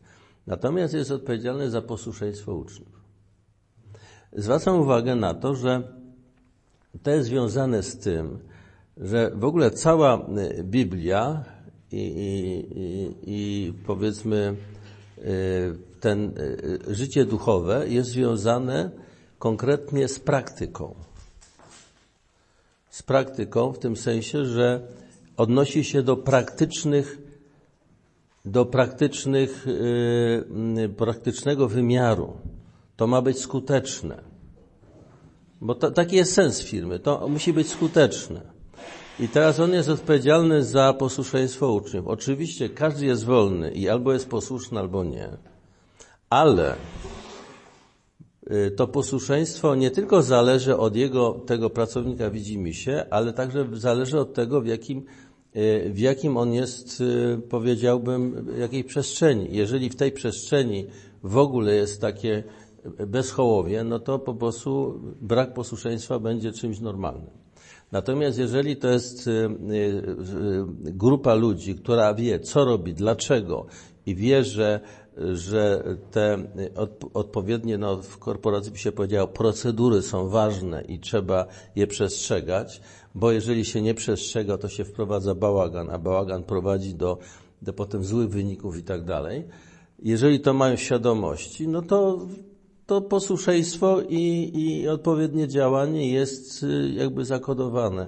I on jest odpowiedzialny za to, żeby była taka atmosfera i taka sytuacja, żeby ci ludzie wiedzieli, że to posłuszeństwo służy dobru i ono prowadzi do właściwych efektów. No w tym wypadku do, chodzi o, o to, że prowadzi do, do Boga. I to ma być, y, y, on jest za to odpowiedzialny od strony praktycznej, konkretnej, nie tak, a bo ja mówiłem. No co z tego, że mówiłeś? Ty musisz tak zadziałać, żeby, żeby to, co mówisz i to, co głosisz, było skuteczne w działaniu, bo tylko wtedy to ma sens. A to, że ty to wiesz i, i, i, i piękne słowa nauczasz, to z tego nic nie wynika. To ma być y, konkretne, praktyczne, to musi wejść w życie. No. Jeżeli nie umiesz tak działać, żeby to weszło w życie, no to się nie nadajesz na, na, na lidera po prostu. No. I tutaj y, proszę zobaczyć, to już ten wymiar jest. Nie? Za własną naukę i za posłuszeństwo swoich uczniów. I niech wie, że jeśli gospodarz ma zbyt mało pożytku z owiec, obwinia za to pasterza. Z drugiej jednak strony, jeśli pasterz zajmie się całą gorliwością, niespokojną i nieposłuszną trzodą, usiłując na wszelki sposób leczyć choroby jej postępowania, Pan uniewinni go na sądzie swoim. Także wraz z prorokiem będzie mógł wołać, sprawiedliwości Twojej w sercu nie skryłem. Wyjawiłem Twą wierność i pomoc, lecz oni wzgardzili mną i przeciw mnie wystąpili. To jest cytat z psalmu 40. I wówczas karą za, y, dla owiec nieposłusznych jego zabiegom będzie w końcu sama przemożna śmierć. No tutaj zwolnienie tam z pracy, czy jakieś y, odpowiednie takie działanie, które powoduje, że na przykład sama firma upadnie, no i koniec, no i po zawodach. A zatem, gdy ktoś przyjął miano opata, powinien uczyć swoich uczniów na dwa sposoby. Znowu tutaj jest bardzo y, ważne wskazanie. A to znaczy, niechaj wszystko, co dobre i święte, okazuje raczej swoim postępowaniem niż słowem. Uczniom bardziej pojętym musi wykładać naukę Pana także słowami. Tych zaś, którzy, którzy trudniej rozumieją i są twardego serca, niechaj własnym życiem uczy Bożych przykazań. Tutaj muszę y, taki komentarz. Święty Benedykt już żył w tym czasie, kiedy były te wędrówki ludów. I ta kultura poleciała na, przepraszam, na pysk normalnie. I, I tam wielu z nich czytać nie umiało. Czytać, pisać to, co wiek wcześniej, czy ileś tam lat wcześniej było powszechną, że tak powiem, prawie że oczywistością, już wtedy się gubiło. Ci ludzie rzeczywiście byli o wiele bardziej prymitywni i trzeba pamiętać, że święty Benedykt w tym kontekście pisze reguły. Także uczniom bardziej pojętny musi wykładać naukę Pana także słowami. Tych zaś, których, którzy trudniej rozumieją i są twardego serca, niech własnym życiem uczy Bożych przykazań. Niech pokaże swoim postępowaniem, że istotnie nie należy czynić wszystkiego tego, czego polecić, polecał unikać swoim uczniom aby innym, głosząc naukę, sam nie został uznany za niezdatnego. Jeszcze Bóg mógłby jego grzechy kiedyś mu wypomnieć, mówiąc, czemu o mych przykazaniach rozprawiasz i na ustach masz moje przykazania. Ty, co nienawidzisz karności i słowa me rzuciłeś za siebie. A także, czemu to widzisz drzazgę wokół swego brata, a berki we własnym oku nie dostrzegasz. To jest y, taka pokusa y, dla y, lidera czy menadżera, że ja jestem ponad tym. Ja mam pilnować dyscypliny, tu wszyscy mają pracować tak jak trzeba, według norm. Natomiast ja jestem ponad tym i, i właściwie mnie to nie obowiązuje. Osobiście sobie mogę żyć tak jak chcę, nie? czy postępować. Nie? Są różne takie z tym związane rzeczy. No takie po prostu odwiedzanie tam firmy. No jeżeli ktoś ma prywatną firmę, no to, to w krótkim czasie by zbankrutował, nie? No ale, ale w takich firmach e, państwowych, czy e, gdzie jest człowiek najęty, to może sobie czasami pozwalać na różne takie e, postępowanie, które, które powoduje, że po prostu korzysta z władzy i uważa się za kogoś ponad. Ta dyscyplina i to wszystko obowiązuje wszystkich innych, nie. O Pan nie powinien nikogo w klasztorze wyróżnić. I tutaj wchodzimy, e, e, wchodzimy e, w przestrzeń z kolei już relacji. Ani kochać jednego mnicha bardziej od innego, chyba że ktoś okaże się lepszym w dobrych uczynkach i w posłuszeństwie. Jeżeli nie ma jakiejś innej rozumnej przyczyny, wolnourodzonemu nie należy przyznawać żadnego pierwszeństwa przed tym, który wstąpił do klasztoru jako niewolnik. Gdyby jednak opat uznał, że tego wymaga sprawiedliwość, on sam zdecyduje o miejscu takiego mnicha, kimkolwiek by on był. W innym przypadku niech wszyscy bracia zachowują swoje miejsca. Czy wolni bowiem, czy niewolnicy, wszyscy jesteśmy nie jednym w Chrystusie i pod rozkazami jednego Pana dźwigamy równy dla wszystkich ciężar Jego służby. Albowiem u Boga nie ma względu na osobę. Tylko w jeden sposób możemy się wyróżnić w Jego oczach, jeśli będziemy pokorni, a zarazem lepsi od innych w dobrych uczynkach. Niech więc opad darzy wszystkich jednakową miłością i niech wszystkich traktuje jednakowo, zgodnie z ich zasługami. Tutaj, koni, dotykamy to, co potem y, odrodzenie mówiła, nie ta równość. Wolność, równość, braterstwo, takie hasło. Ta równość wszystkich. Nie? E, no święty Benedykt to wprowadza. E, byli wtedy właśnie ludzie, którzy przychodzili ze stanu wolnego, obywatele rzymscy i tak dalej. Natomiast byli także tacy, którzy byli niewolnikami, jako niewolnicy wstępowali z tego stanu niewolniczego. Święty Benedykt mówi, nie można tutaj na bazie tego robić jakichkolwiek rozróżnień. Wszystkich powinien traktować jednakowo. Ale to nie jest urawniłowka, to nie jest takie numeryczne traktowanie wszystkich jednakowo, bo traktuje się ludzi zgodnie z ich zasługami. Jeżeli ktoś rzeczywiście wykaże się e, odpowiednim poziomem, no to trzeba go docenić, trzeba go dać jako wzór i w jaki sposób on powinien być doceniany. To nie jest taka, taka równość matematyczna, tylko to jest, e, to jest sprawiedliwość, bym powiedział bardziej, równość w sensie sprawiedliwości. W ten sposób, że jeżeli ktoś rzeczywiście ma większe zasługi, to też trzeba go docenić. Nie? Między innymi przy awansach, czy przy innych takich rzeczach. To po prostu, czy w, także nagrody, premie, czy w jakiś taki sposób. I ludzie muszą mieć jednocześnie wzór pewien y, u osób. Najgorzej, jeżeli jest niesprawiedliwość, nie? Że się premiuje y, kolesiów, nie?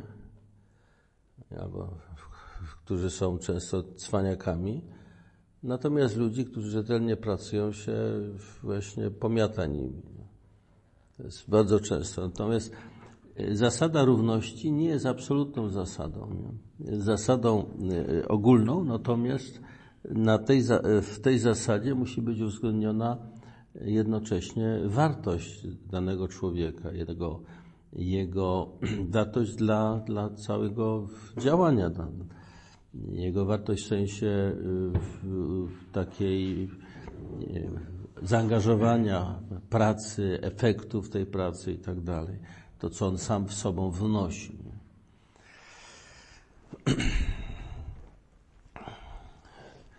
Jako nauczyciel powinien opatrzymać się zawsze tej oto zasady apostoła. Przekonywaj, proś, karć.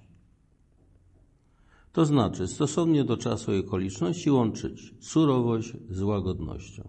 Okazując się raz wymagającym mistrzem, to znów pełnym miłości ojcem. Tak więc niekarnych i niespokojnych trzeba karcić bardzo, bardziej surowo, posłusznych zaś, łagodnych i cierpliwych nakłaniać już silnie, by w dobrym postępowali. Co do niedbałych natomiast i lekceważących jego polecenia, przypominam, by ich ganił i karał. To jest ta sztuka wychowania, która odnosi się szczególnie na przykład do dzieci. Nie? Są różne dzieci. Są, zresztą tak samo z pracownikami. Jednemu czasami wystarczy powiedzieć słowo i jemu to wystarczy. Natomiast do innego gadaj zdrów, nie? Gadaj zdrów. Póki konkretnie nie doświadczy na, na, na, na swojej skórze, że y, te słowa tam szefa się, y, powiedzmy, są poważne, to on się tym nie przejmuje. To jest po prostu, nie ma żadnego znaczenia. Dopiero wtedy, kiedy na przykład y, będą konsekwencje wyciągnięte i tam się obetnie z czy coś, dopiero wtedy się budzi i widzi, że, że jak on coś powiedział, to te słowa znaczą to, co znaczą, a nie, a nie to jest taka gadanina, bo ludzie tak przyjmują, że ktoś tam sobie gada, no gadaj zdrów, nie? a oni i tak postępują według jakiejś tam swojej logiki. Dopiero wtedy, kiedy zobaczą, że te słowa mają konkretne przeniesienie na rzeczywistość, dopiero wtedy zaczynają się nimi przejmować. nie? U nas to jest dosyć powszechne, wydaje mi się. No po prostu gadaj zdrów, no. I dopiero wtedy, kiedy on dostanie w kość, dopiero wtedy się budzi i zaczyna rozumieć, że te słowa mają znaczenie. Tak jest dlatego, że cała atmosfera w naszym społeczeństwie jest taka, że słowa nie mają znaczenia. Tylko często są rozumiane jako ekspresja pewnych moich uczuć, przeżyć i się muszę wy, wyładow- rozładować przez, przez często jeszcze wulgaryzmy do tego wszystkiego, nie? By po prostu się... I tyle. No, jest burza, grzmi, normalne. Przejdzie burza i będzie znowu spokój. Więc takie jest podejście, mi się wydaje, wielu ludzi.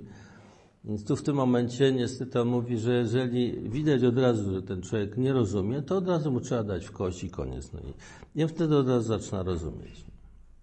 Inaczej to, to nie idzie. I tak w, w rzeczywistości jest. Do niektórych nie, żadne słowa nie przemówią. Żadne słowa. Niech e, nie przemilcza grzechów błądzących braci, lecz w miarę swoich możliwości wyrywa je z korzeniami, gdy tylko e, zaczną się pokazywać. Pomnę na los Helego, kapłana z Silo.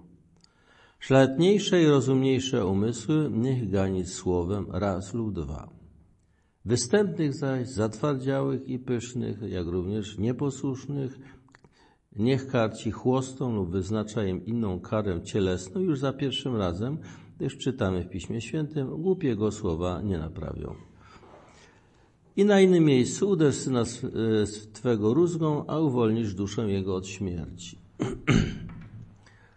Tylko oczywiście to musi być robione w, tym, w ten sposób, że z tą świadomością, że chodzi o to, żeby dotrzeć do tego człowieka, żeby, że tak powiem, przemówić do niego adekwatnym językiem. A On nie rozumie innego języka, jak tylko konkretne doświadczenie, yy, powiedzmy, no, jakieś, no, w tym wypadku jakaś kara finansowa czy coś takiego, nie? Bo, bo to w tej chwili to inaczej nie, nie idzie. To jest y, niestety y, kultura słowa u nas jest y, bardzo niziutka i jest lekceważenie słów. Jest kompletnie. I to jest, to jest też, zauważmy, ma konsekwencje, głębokie konsekwencje duchowe. Bo jeżeli ktoś niepoważnie traktuje słowa i wypowiedzi, no to on nie jest w stanie na przykład czytać poważnie Pisma Świętego. Po prostu dla niego to będą jakieś tam, ja wiem, takie historyjki, jakieś tam bajki czy coś. Nie będzie y, czuł powagi słowa i w związku z tym zupełnie to po nim spłynie jak woda po kaczce. No. Nie wejdzie w, w sens i głębie słów, słów no, bo, bo te słowa są dla niego właśnie tylko jakąś taką emocjonalną ekspresją czy czymś w tym rodzaju. Koniec. Opat powinien zawsze pamiętać, kim jest. Jego nazywają, wiedzieć, że komu dają więcej, o tego więcej będą wymagać. No i to jest też prawda ogólna. No, chyba, że są układy chore, tak to bywa niestety w firmach państwowych, że są mianowani z góry panowie prezesi, którzy nie mają żadnej odpowiedzialności, tylko mają prawo do kasy i do władzy. No i to jest tragedia. Niech wie, jak trudnego i ciężkiego zadania się podjął, rządzić duszami i służyć wielu w dążeniu do naprawy obyczajów. Jednego musi łagodnie zachęcać, drugiego ganić, innego jeszcze przekonywać. Niechaj do wszystkich tak dostosuje się i przystosuje, zależnie od charakteru i inteligencji każdego, aby powierzona mu trzoda nie tylko nie doznała uszczerbku, lecz nawet cieszyła go jeszcze swoim postępem w dobrem. Nie? Po prostu y, musi wiedzieć, co na kogo działa i w jaki sposób trzeba podchodzić. Ludzie są bardzo różni, z bardzo różną wrażliwością i trzeba adekwatnie do takiego człowieka podejść. I znowu tutaj, gdyby wziąć zasadę równości, to ona jest głupia i niesprawiedliwa. No bo zupełnie co innego znaczy dla jednego słowo, a co innego dla drugiego. I kara odpowiednio też jakaś ma inne znaczenie dla jednego niż dla drugiego. Nie? Przede wszystkim nie wolno mu zaniedbywać ani lekceważyć zbawienia dusz, które poddano jego władzy, a troszczyć się więcej rzeczy przemijające, ziemskie i znikome. Niech zawsze myśli o tym, że powierzono, powierzono mu rządy nad duszami i że za nie ponosi też odpowiedzialność. A niech się nie tłumaczy ubóstwem klasztoru, pamiętając, że napisano: Starajcie się naprzód o królestwo Boga i jego sprawiedliwość, a to wszystko będzie mu wam dodane. Oraz na innym miejscu bojący się Boga nie doświadczą biedy. Tutaj oczywiście wchodzi w grę ten zasadniczy cel y, klasztoru y, jako takiego, ale wydaje mi się, że trzeba pamiętać, że ostatecznie, jeżeli my gdzieś pracujemy, to nie najważniejsza jest nawet ten produkt czy coś, tylko to, żebyśmy byli ludźmi w tym i to jest y, ostatecznie to jest część naszego życia. I nie można w imię celu doraźnego niszczyć ludzi, pomiatać, e, traktować, że tak powiem, z buta, nie? Czy, czy manipulować nimi e, i tak dalej, poniżać ich i tak dalej w imię, bo, bo mamy szczytny cel wyprodukować guziki na przykład. Nie? No i po prostu to nie ma sensu w ogóle. To trzeba pamiętać, że człowiek jest ważniejszy i to y, jego godność i tak dalej od tego wszystkiego. Bo inaczej to po prostu jest piekło, no i tyle. No. Niech wie, że kto się podjął rządów nad duszami, musi być gotowy do zdania z nich sprawy. A ilukolwiek braci miały pod swoją opieką, niech będzie pewny, że w dzień sądu odpowie przed Panem za duszę ich wszystkich, jak również oczywiście za swoją własną. W ten sposób będzie żył zawsze w, e, w obawie przed tą chwilą, gdy zapytają go jako pasterza, co uczyniłeś z powierzonymi mu owcami. A to poczucie odpowiedzialności za innych zmusi go do zwracania większej uwagi także na siebie samego. Napominając swoich braci, by im pomóc w poprawie, sam jednocześnie dojdzie do naprawienia własnych błędów. Oczywiście tutaj też, jeżeli chodzi o firmę i działanie, ostatecznie będą się liczyły wyniki. Bo żeby firma istniała, to musi mieć zyski i dopiero wtedy, jak jest rzeczywiście autentyczny dochód, można z tego dochodu y, dzielić nie? i wypłaty robić i tak dalej, zapewnić ludziom spokojną pracę. To, to zależy od wyników i on musi o tym pamiętać. To jest e, drugi rozdział, natomiast teraz e, byśmy przeczytali 64, który jest rozdziałem o ustanowieniu opata. Tutaj jeszcze raz e, święty Benedykt wraca do postaci opata. Przy ustanowieniu opata trzeba zawsze przestrzegać zasady, by ten nim został, kogo wybierze jednomyślny i w bojaźni Bożej cała wspólnota lub choćby tylko jej część niewielka, lecz kierowana lepszym rozeznaniem. O wyborze zaś rozstrzygać musi wartość życia i mądrość nauki, i to nawet wówczas, gdyby we wspólnocie kandydat był ostatni w kolejności. Tutaj y, jest ważne takie, taka uwaga, że ona jest niestety, y, no nic, zostawmy. W tradycji monastycznej wcześniejszej bywało tak, że opat był mianowany przez kogoś, na przykład biskupa, albo przez innych opatów z okolicznych klasztorów. Mnisi, ta wspólnota nie wybierała opata. Świętego Benedykta e, to wspólnota wybierała opata. W związku z tym, proszę zobaczyć, w ten sposób wspólnota jest tym zasadniczym nośnikiem tradycji. To jest troszeczkę tak jak w ulu jest, nie? Że, że y, to pszczoły organizują tą matkę królową, która, która tam powiedzmy składa te jajka i całe nowe pokolenia pszczół e, z tego wyrastają. Nie? I one ją szczególną troską otaczają i, i e, dzięki nim ona w ogóle może spełniać swoją funkcję. Tu jest trochę podobnie, nie? że to wspólnota musi zadbać o to, o ten opata, y, wybierze y, odpowiedniego człowieka ze swojej y, grona, no i, i on też musi mu udzielić tego mandatu. Taki jeden z opatów, Lebek, powiedział na początku, jak go wybrali, powiedział do braci tak, słuchajcie, czy ja będę waszym opatem, czy nie, to zależy od was. Bo to wy albo będziecie mnie traktować rzeczywiście jak opata, jak ojca, i wtedy będę waszym opatem, a jeżeli będziecie mnie traktować jak urzędnika, no to ja nie będę żadnym opatem, tylko po prostu urzędnikiem nie? jakimś, nie? którego będziecie ignorować, czy prowadzić jak, z nim jakąś politykę taką czy inną. Nie? To, czy będę opatem, czy nie, zależy w dużym stopniu od was. Nie?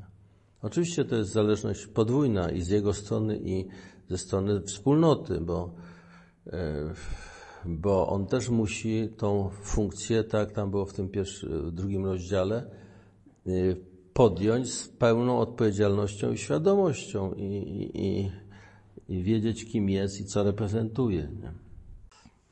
Przypadku, gdyby cała wspólnota wybrała zgodnie, co nie daj Boże, człowieka pobłażającego jej wszystkim występkom, i gdyby występki te doszły do uszu e, biskupa, do którego diecezji należy ów klasztor, lub do uszu innych opatów, czy też mieszkających w sąsiedztwie chrześcijan, nie wolno im dopuścić do zwycięstwa tej zmowy przewrotnych. No to jest właśnie niebezpieczeństwo. Jak wybierają, to jest demokracja, nie? Jeżeli y, ludzie wybierają y, tego, kto im nie będzie przeszkadzał w ich sobie życiu, no, no to to jest posprzątane. Jeżeli chodzi o klasztor, to nie ma sensu. Zresztą to samo dotyczy, gdyby pracownicy wybierali szefa, no i by wybierali takiego, który im da do, duże pensje, nie będzie od nich wiele wymagał, no to oczywiście, że fajnie będzie na początku, a potem będzie bankructwo, no i z, z tymi konsekwencjami. Oni oczywiście jako pracownicy są tylko pracownikami, stracą pracę, swoje zarobili, zyskali, a, a, to, że firma się rozsypie, to już, już nie jest ich problem. Nie? Może być problem taki, że może nie dostaną pracy gdzieś indziej. Taki problem może być, ale firma zbankrutowała, koniec. To jest ich problem. No to niestety tak to może być. Muszą wówczas ustanowić godnego zastępcę domu Bożym, a mogą być pewni, że otrzymają obfite, obfitą nagrodę, jeśli zrobią to z czystych pobudek i godliwości o sprawę Bożą. Popełnią natomiast grzech, jeśli e, tego zaniedbają. Jest e, zarówno w Starym, jak i Nowym Testamencie przykazanie napomnienia braterskiego. I to ma akurat wymiar taki społeczny w tym wypadku. Też coś na tym zasadzie. My jesteśmy odpowiedzialni także za, za innych. W każdym razie jesteśmy na pewno odpowiedzialni e, za to, że jeżeli widzimy zło, to trzeba je napomnieć w jakiś sposób. Powiedzieć, tak nie może być. Oczywiście, co kto zrobi, to jest osobna sprawa, to już jest inna rzecz, to już jest jego odpowiedzialność, ale za to jesteśmy odpowiedzialni. Ten, kto został opatem, niechaj zawsze pamięta, jakie, jakie brzemię podjął i komu zda sprawę ze swego zarządu. Niech wie, że ma raczej pomagać niż przewodzić. To jest bardzo ważne. Pomagać lub przewodzić. To jest po wyrażone takimi dwoma słowami. Stiaque sibi oportere prodesse magis quem preesse prodesse, pro, czyli być dla, nie? Pre, pre to być na przodzie czy, czy ponad, nie? Więc musi być, y, tutaj jest wyrażone po która musi pomagać niż przewodzić, nie? Nie uważać się za tego, e, który przewodzi i, i, i wszyscy idą za nim, tak jak on idzie, tylko powinien być tym, który wspiera. To jest tak, jak tutaj kolega mówi, ja nie mam kompetencji wszystkich, nie? Y, muszę mieć pomocnika takiego, jego muszę wspierać w tych jego działaniach. Y, czasami mogą to być trudne dla innych, na przykład ludzi, działania, no ale muszę go wesprzeć, bo podjęcie tego działania powoduje, że się usprawni tam powiedzmy coś nie? I, firma będzie lepiej funkcjonować. No.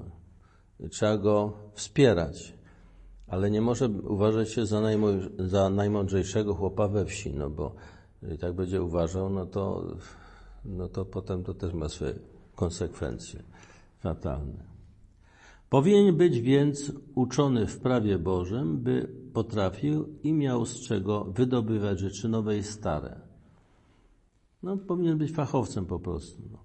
Powinien mieć czyste serce, następna y, tutaj cecha, y, czy dyspozycja jego, czyste serce. Y, w Ewangelii Pan Jezus błogosławieni czystego serca, albowiem oni Boga oglądać będą. czyli będą kontemplować Boga, czyli dojdą do, do tego e, celu właściwie życia, czystego serca. Zresztą cała duchowość biblijna jest e, duchowością e, serca. Czyste serce jest tutaj tym zasadniczym celem wysiłku duchowego. Czyste serce powinien mieć czyste serce, to znaczy takie serce, których nie ma zawiści, złości, jakichś pokrętnych myśli, jakichś knowań, jakichś interesików powiedzmy i ze względu na te interesy będzie wszystko naciągane. To musi być czyste w sensie e, robimy to, to robimy to, co robimy i robimy to ze względu na wartość samej tej, tej, tej rzeczy i zgodnie z, ca, z całą logiką i, i, prawami tutaj y, z tym związanymi. Dalej, trzeźwy umysł i miłosierdzie. Trzeźwy umysł to znaczy po prostu musi wiedzieć, co się dzieje, jak to działa, jak to funkcjonuje, musi być y, rozsądny, racjonalny. Nie? I miłosierdzie. Niechaj zawsze miłosierdziu daje pierwszeństwo nad sądem aby sam go także dostąpił. Niech nienawidzi wad, a miłuje braci. Każdemu się zdarzają potknięcia, upadki, głupie jakieś zagrania i tak. Trzeba to napiętnować, ale nie niszczy człowieka. Nie niszczy człowieka. I albo na przykład od razu, ponieważ ktoś tak postąpił, no już po prostu mieć do niego uprzedzenie na przykład. Nie? Trzeba umieć okazać miłosierdzie, ale trzeba jednocześnie nazwać zło złem i koniec. Nie ma tutaj. w karaniu niech postępuje roztropnie i bez przesady, aby usuwając rdzę nie zniszczył samego naczynia. Bardzo ładny obraz. Niech baczy zawsze na własną ułomność niech pamięta, by nie łamać zgnie, zgniecionej trzciny. Nie chcemy przez to powiedzieć, że ma pozwalać na rozrastanie się wad, lecz niech je tępi roztropnie z miłością, sposób, jaki uzna za pożyteczny dla każdego, jak to już powiedzieliśmy. Niech się stara, aby więcej go kochano, niż miano się lękać. To jest zasada bardzo ważna, że e, powinien wzbudzać zaufanie, szacunek, ludzie powinni go po prostu lubić, nie? nie, nie bać się go, bo wtedy działają otwarcie, a nie po prostu próbują kombinować jakąś politykę, uprawiać do niego. To się mówi, a to się myśli. Nie? No to to w ogóle bez sensu, bo to, to nie jest życie w prawdzie.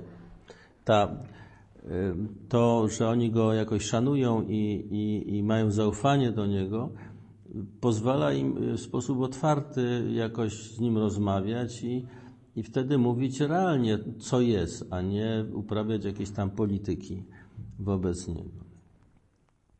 Nie powinien być nieopanowanym, ani y, trwożliwym, ani krańcowy, ani uparty, ani zazdrosny i zbyt podejrzliwy, bo nigdy nie zazna spokoju. To jest też niestety częsta y, wada ludzi, że są niepewni i w związku z tym podejrzliwi i różne rzeczy. I oni są wtedy, niestety, tak, takie osoby są na, bardzo mocno narażone na, na tych życzliwych y, donosicieli, którzy nimi manipulują odpowiednio, y, donosząc im to, co im jest wygodne. Nie? I, I wtedy on po prostu, no niestety, jak nie ma, nie, nie ma możliwości takiej, żeby człowiek był nieufny wobec wszystkich. Nie, nie istnieje taka możliwość. Ludzie najbardziej nieufni, na, na przykład do takich należał Stalin, nie? ostatecznie musieli komuś uwierzyć. No. No bo nie ma takiej możliwości. Ktoś musiał dla nich być wiarygodny, przynajmniej w ich mniemaniu. No, najczęściej bywają to bardzo dziwne, y, że tak powiem, postacie, którym są jakieś, jakieś y, wróżbita czy ktoś taki staje się dla niego wykładnią y, prawdy i tak dalej. Nie? Albo właśnie załóżnicy jacyś tacy, którzy, którzy po prostu no, go ustawiają. No i po prostu jest wtedy największym po prostu w tym wszystkim no, pajacem, bo jest manipulowany całkowicie. To jest bez sensu. W swych zarządzeniach przezorny i rozważny, bez względu na to, czy sprawa, w której wydaje polecenie dotyczy Boga czy świata, niech zawsze zachowuje wnikliwość i umiar, pomnąc na roztropność świętego Jakuba, gdy mówi – jeśli zmęczę moje stada na zbyt uciążliwą drogą, padną wszystkie jednego dnia. Musi być roztropne. I to ważne jest to, że nie, nie dotyczy to tylko tych rozstrzygnięć takich istotnych dotyczących kierunku działania, ale także często są drobne rzeczy jakieś i w, tej, w tych drobnych rzeczach też powinien się okazać roztropny bo jeżeli w tym wymiarze okaże się, powiedzmy, jakiś tam skrajny czy, czy niesprawiedliwy, to podważa swój autorytet y, także w odniesieniu do tych ważniejszych spraw. Nie? A jak, jak nie wie, jak to rozstrzygnąć, to niech powie, nie wiem po prostu i jest to uczciwe po prostu. No. Natomiast nie powinien y, tutaj rozstrzygać rzeczy, jak których się nie zna. No. Niech to odniesie do kogoś innego czy coś. No ale powinien mieć w tym wszystkim jakąś roztropność i poważnie traktować. Niech więc opad przyswoi sobie te, y, i ten, i inne przykłady roztropności, owej matki wszystkich cnót. I niech wszystkim kieruje z takim umiarem, i, y, y, by i mocni mieli to, czego pragną, i słabi nie uciekali. No właśnie to jest to, że y, no nie wszyscy są tak samo wydajni, sprawni, inteligentni y, i tak dalej. Natomiast no, ta grupa ludzi naprawdę dobrych w pracy jest niewielka, to jest kilka procent. Cała reszta to są albo średniacy, albo nawet tacy, którzy, którym to idzie trudno. I trzeba ich wszystkich jakoś inspirować i, i jednak e, no, dać żyć, no, powiedział, tak. I w związku z tym to nie może być tak, że, że się wyrzuca, e, bo jest e, słabszy. A zwłaszcza sam musi tę regułę we wszystkim zachowywać, aby, gdy dobrze będzie zarządzał, mógł usłyszeć od Pana to, co ów sługa dobry, który rozdawał na czas E, pszenicę swoim współtowarzyszom. Zaprawdę powiadam wam, że Pan postawi go nad całym swoim mieniem. To jest koniec 64 rozdziału. Natomiast teraz chciałem jeszcze wrócić do i przeczytać rozdział trzeci, który jest o, e, on jest dosyć wymowny, bo pokazuje pewną relację między opatem i szefem, a e, wspólnotą. To jest krótki rozdział na szczęście. O zwoływaniu braci na radę. Ilekroć trzeba w klasztorze podjąć jakąś ważną decyzję, niech opat zwoła całą wspólnotę i przedstawi jej o co chodzi. Wysłuchawszy opinii braci, niech ją sam rozważy, a następnie zrobi to, co uzna za bardziej wskazane. Powiedzieliśmy zaś, że wszystkich należy wzywać na radę, gdyż Pan często właśnie komuś młodszemu objawia to, co jest lepsze. Tutaj się pojawia dopiero tak dosyć jasno powiedziany ten charyzmat właściwy opata. Opat powinien mieć przede wszystkim zdolność rozeznawania duchowego. Lider powinien mieć zdolność rozeznawania sytuacji i y, taki rozeznania tej sytuacji i podjęcia potem odpowiedniej decyzji. I to jest jego podstawowy charyzmat. Rozeznanie sytuacji i podejmowanie y, odpowiedniej decyzji y, zgodnie z rozeznaniem. Natomiast niekoniecznie musi sam wszystko wymyślić. Spotykanie się we wspólnocie braci, to mówiąc od strony religijnej i duchowej, to jest y, tak naprawdę wspólne wsłuchiwanie się w to, co mówi Duch Święty. Pierwsze słowa reguły brzmią: Słuchaj, synu nauk mistrza i nakłoń nim, ku nim ucho swego serca. I to w tym momencie jest takie wspólne słuchanie. I y, tu niekoniecznie zawsze ten, który jest najmądrzejszy, musi mieć najlepszą radę. I, i teraz y, proszę zobaczyć, co ma opat zrobić. Ma problem ważny, zwołuje naradę braciom i pierwszą rzeczą, która jest znowu jego charyzmatem, umiejętność postawienia pytania. Pamiętajcie zawsze, że właściwe postawienie pytania to jest połowa odpowiedzi. Najczęściej tak jest. E, bardzo często e, jest e, tak, że ludzie źle stawiają problem i jest potem kociokwik. Taki standardowy przez dziennikarzy używany ten, takie hasło nie ma głupich pytań, są tylko głupie odpowiedzi. To jest tak głupie hasło, że po prostu aż boli. Jest dokładnie odwrotnie. Znaczy, może już przesadam, ale, ale jest tak, że niestety są głupie pytania, które wprowadzają w malinę i dziennikarze są w tym wyjątkowo e, sprawni. Zadawaniu głupich pytań, zupełnie bezsensownych. I potem się robi z tego kociołki. Niestety. E, zresztą to bardzo ładnie wychodzi w Ewangelii. Jeżeli wy zobaczycie, że ktoś przychodzi do Pana Jezusa i coś od Niego chce, daje mu, zadaje mu pytanie, to najczęściej co on robi? Zadaje pytanie temu, który zadał pytanie. Zadaje pytania po to, żeby skorygować pytanie, bo dopiero na właściwie postawione pytanie można udzielić odpowiedzi. Jak jest głupio sformułowane pytanie, to, to się na takie pytanie w ogóle nie odpowiada. Bo często w tak zwanym pytaniu jest zawarta teza.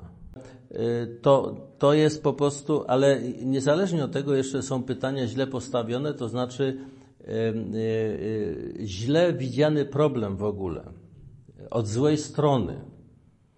I, i, i tu po, po, potem najczęściej to jest tak. Ludzie szczerze myślą i tak dalej, tylko patrzą z perspektywy takiej zupełnie niewłaściwej. A do tego trzeba podejść zupełnie inaczej. No i tutaj sztuka zadawania pytania to jest wielka sztuka i to jest, y, to jest zasadniczy charyzmat opata. Powinien umieć postawić pytanie. I potem co opat robi? Słucha. Nie wchodzi w dyskusję, nie polemizuje i tak dalej, bo jak się to zacznie, to jest posprzątane. Opat ma słuchać i wysłuchać wszystkich. No bo czasami ten ostatni trafi y, w to, o co chodzi. No. Natomiast to jest następna rzecz, umiejętność słuchania. Generalnie rzecz biorąc, ja tutaj o tym nie mówiłem, ale, ale to jest to do standardów moich, moich wykładów, jeżeli chodzi o duchowość. E, należy to, że mówię o tym, o tej prawdzie fundamentalnej, że myśli na nas przychodzą. My ich nie produkujemy, ale na nas przychodzą. I właściwie sztuka życia polega na umiejętności rozeznawania, rozeznawania tych myśli i podejmowania tych, które są dobre, odrzucania tych, które są złe. Przy czym y, myśli, które są śmieciami albo wręcz są złe, jest cała masa i trzeba to po prostu przesiać. Bracia zaś powinni wyrażać zdania z wielką pokorą i uległością, a niech się nie ośmielają bronić zuchwale tego, co im samym wydaje się słuszne. Chodzi o taką rzecz, żeby to nie było tak, że każdy forsuje swój pomysł, bo ja to wymyśliłem, to na pewno jest dobry, bo ja to wymyśliłem. Nie? To jest y, sztuka y, wspólnego słuchania. Y, To jest bardzo ważna sztuka w ogóle wspólnego myślenia, refleksji. W Polsce nie jest to częsta cnota umiejętność wspólnego. Jednak każdy, nawet jeżeli jest wspólna rada, to swój pomysł uważa za najlepszy. I, i, i to jest takie, powiedziałbym, jest to spontaniczne i myślę, że to u każdego człowieka i trzeba się uczyć kultury powściągliwości, patrzenia też na, na swoją wypowiedź jakby z zewnątrz trochę i porównywać ją y, z rzeczywistością, żeby no, umieć uczestniczyć w tej wspólnej radzie. To jest sztuka. No widać u nas w- Sejmie czy gdziekolwiek, no po prostu nie ma w ogóle słuchania wzajemnego i rozpatrywania, rozważania tego, co e, u tego e, drugiego jest sensowne w tym, co mówi i jak można tutaj znaleźć jaką, jakieś rozwiązanie wspólne. Jest po prostu uparte e, lansowania swojego. To do niczego dobrego nie prowadzi nigdy nie doprowadzi. Decyzja musi zależeć głównie od sądu opata, tak że gdy on coś uzna za bardziej wskazane, wszyscy się do tego zastosują. Jednakże podobnie jak godzi się, by uczniowie słuchali mistrza, tak trzeba, by i on zarządzał wszystkim w sposób mądry i sprawiedliwy. We wszystkim y, więc niech wszyscy idą za regułą, jak za mistrzynią. I niech nikt y, y, lekkomyślny do niej nie, od, od niej od, nie odstępuje. Niech nikt w klasztorze nie idzie za własną, wolą własnego serca. Niechaj nikt nie śmie spierać się ze swoim e, opatem zuchwale lub poza klasztorem, a gdyby się ktoś na to poważył, należy go ukarać zgodnie z regułą. Sam jednak opat niech robi wszystko z bojaźnią Bożą, zawsze zachowując regułę. Musi bowiem pamiętać, że z całą, z całą pewnością ze wszystkich swoich rozstrzygnięć zda sprawę przed Bogiem, który jest najsprawiedliwszym sędzią. Jeśli zaś chodzi o jakieś mniejsze, mniej ważne sprawy klasztoru, niech opat wzywa na radę jedynie starszych, bo napisane jest nic nie czyń bez rady, a po uczynku nie będziesz żałował. I to są ten. Także zauważcie, opat nie musi wszystkiego wiedzieć, na wszystkim się znać, nie? ma mieć dar rozeznawania. Pierwsze, postawienia problemu, a druga rzecz, rozeznawania. A żeby mieć taki dar y, postawienia problemu i tak dalej, trzeba mieć właściwą perspektywę patrzenia. Opat mieć powinien y, myślenie strategiczne. To znaczy y, taktycznie i, i, i potem tak bezpośrednio, że tak powiem, na bieżąco. Tym się powinni zajmować wszyscy kierownicy i inni tacy, którzy zajmują się produkcją czy, czy, czy takim bezpośrednim zarządzaniem przy, przy wykonywaniu takich czy innych usług. Nie? Natomiast opat y, czy szef ogólnie powinien patrzeć y, na przyszłość strategicznie. Nie? Co dzisiaj trzeba zrobić, żeby jutro dobrze wylądować? Nie? Musi widzieć, jakie są trendy, y, do czego może prowadzić taki czy inny, takie czy inne decyzje w sensie y, przyszłości.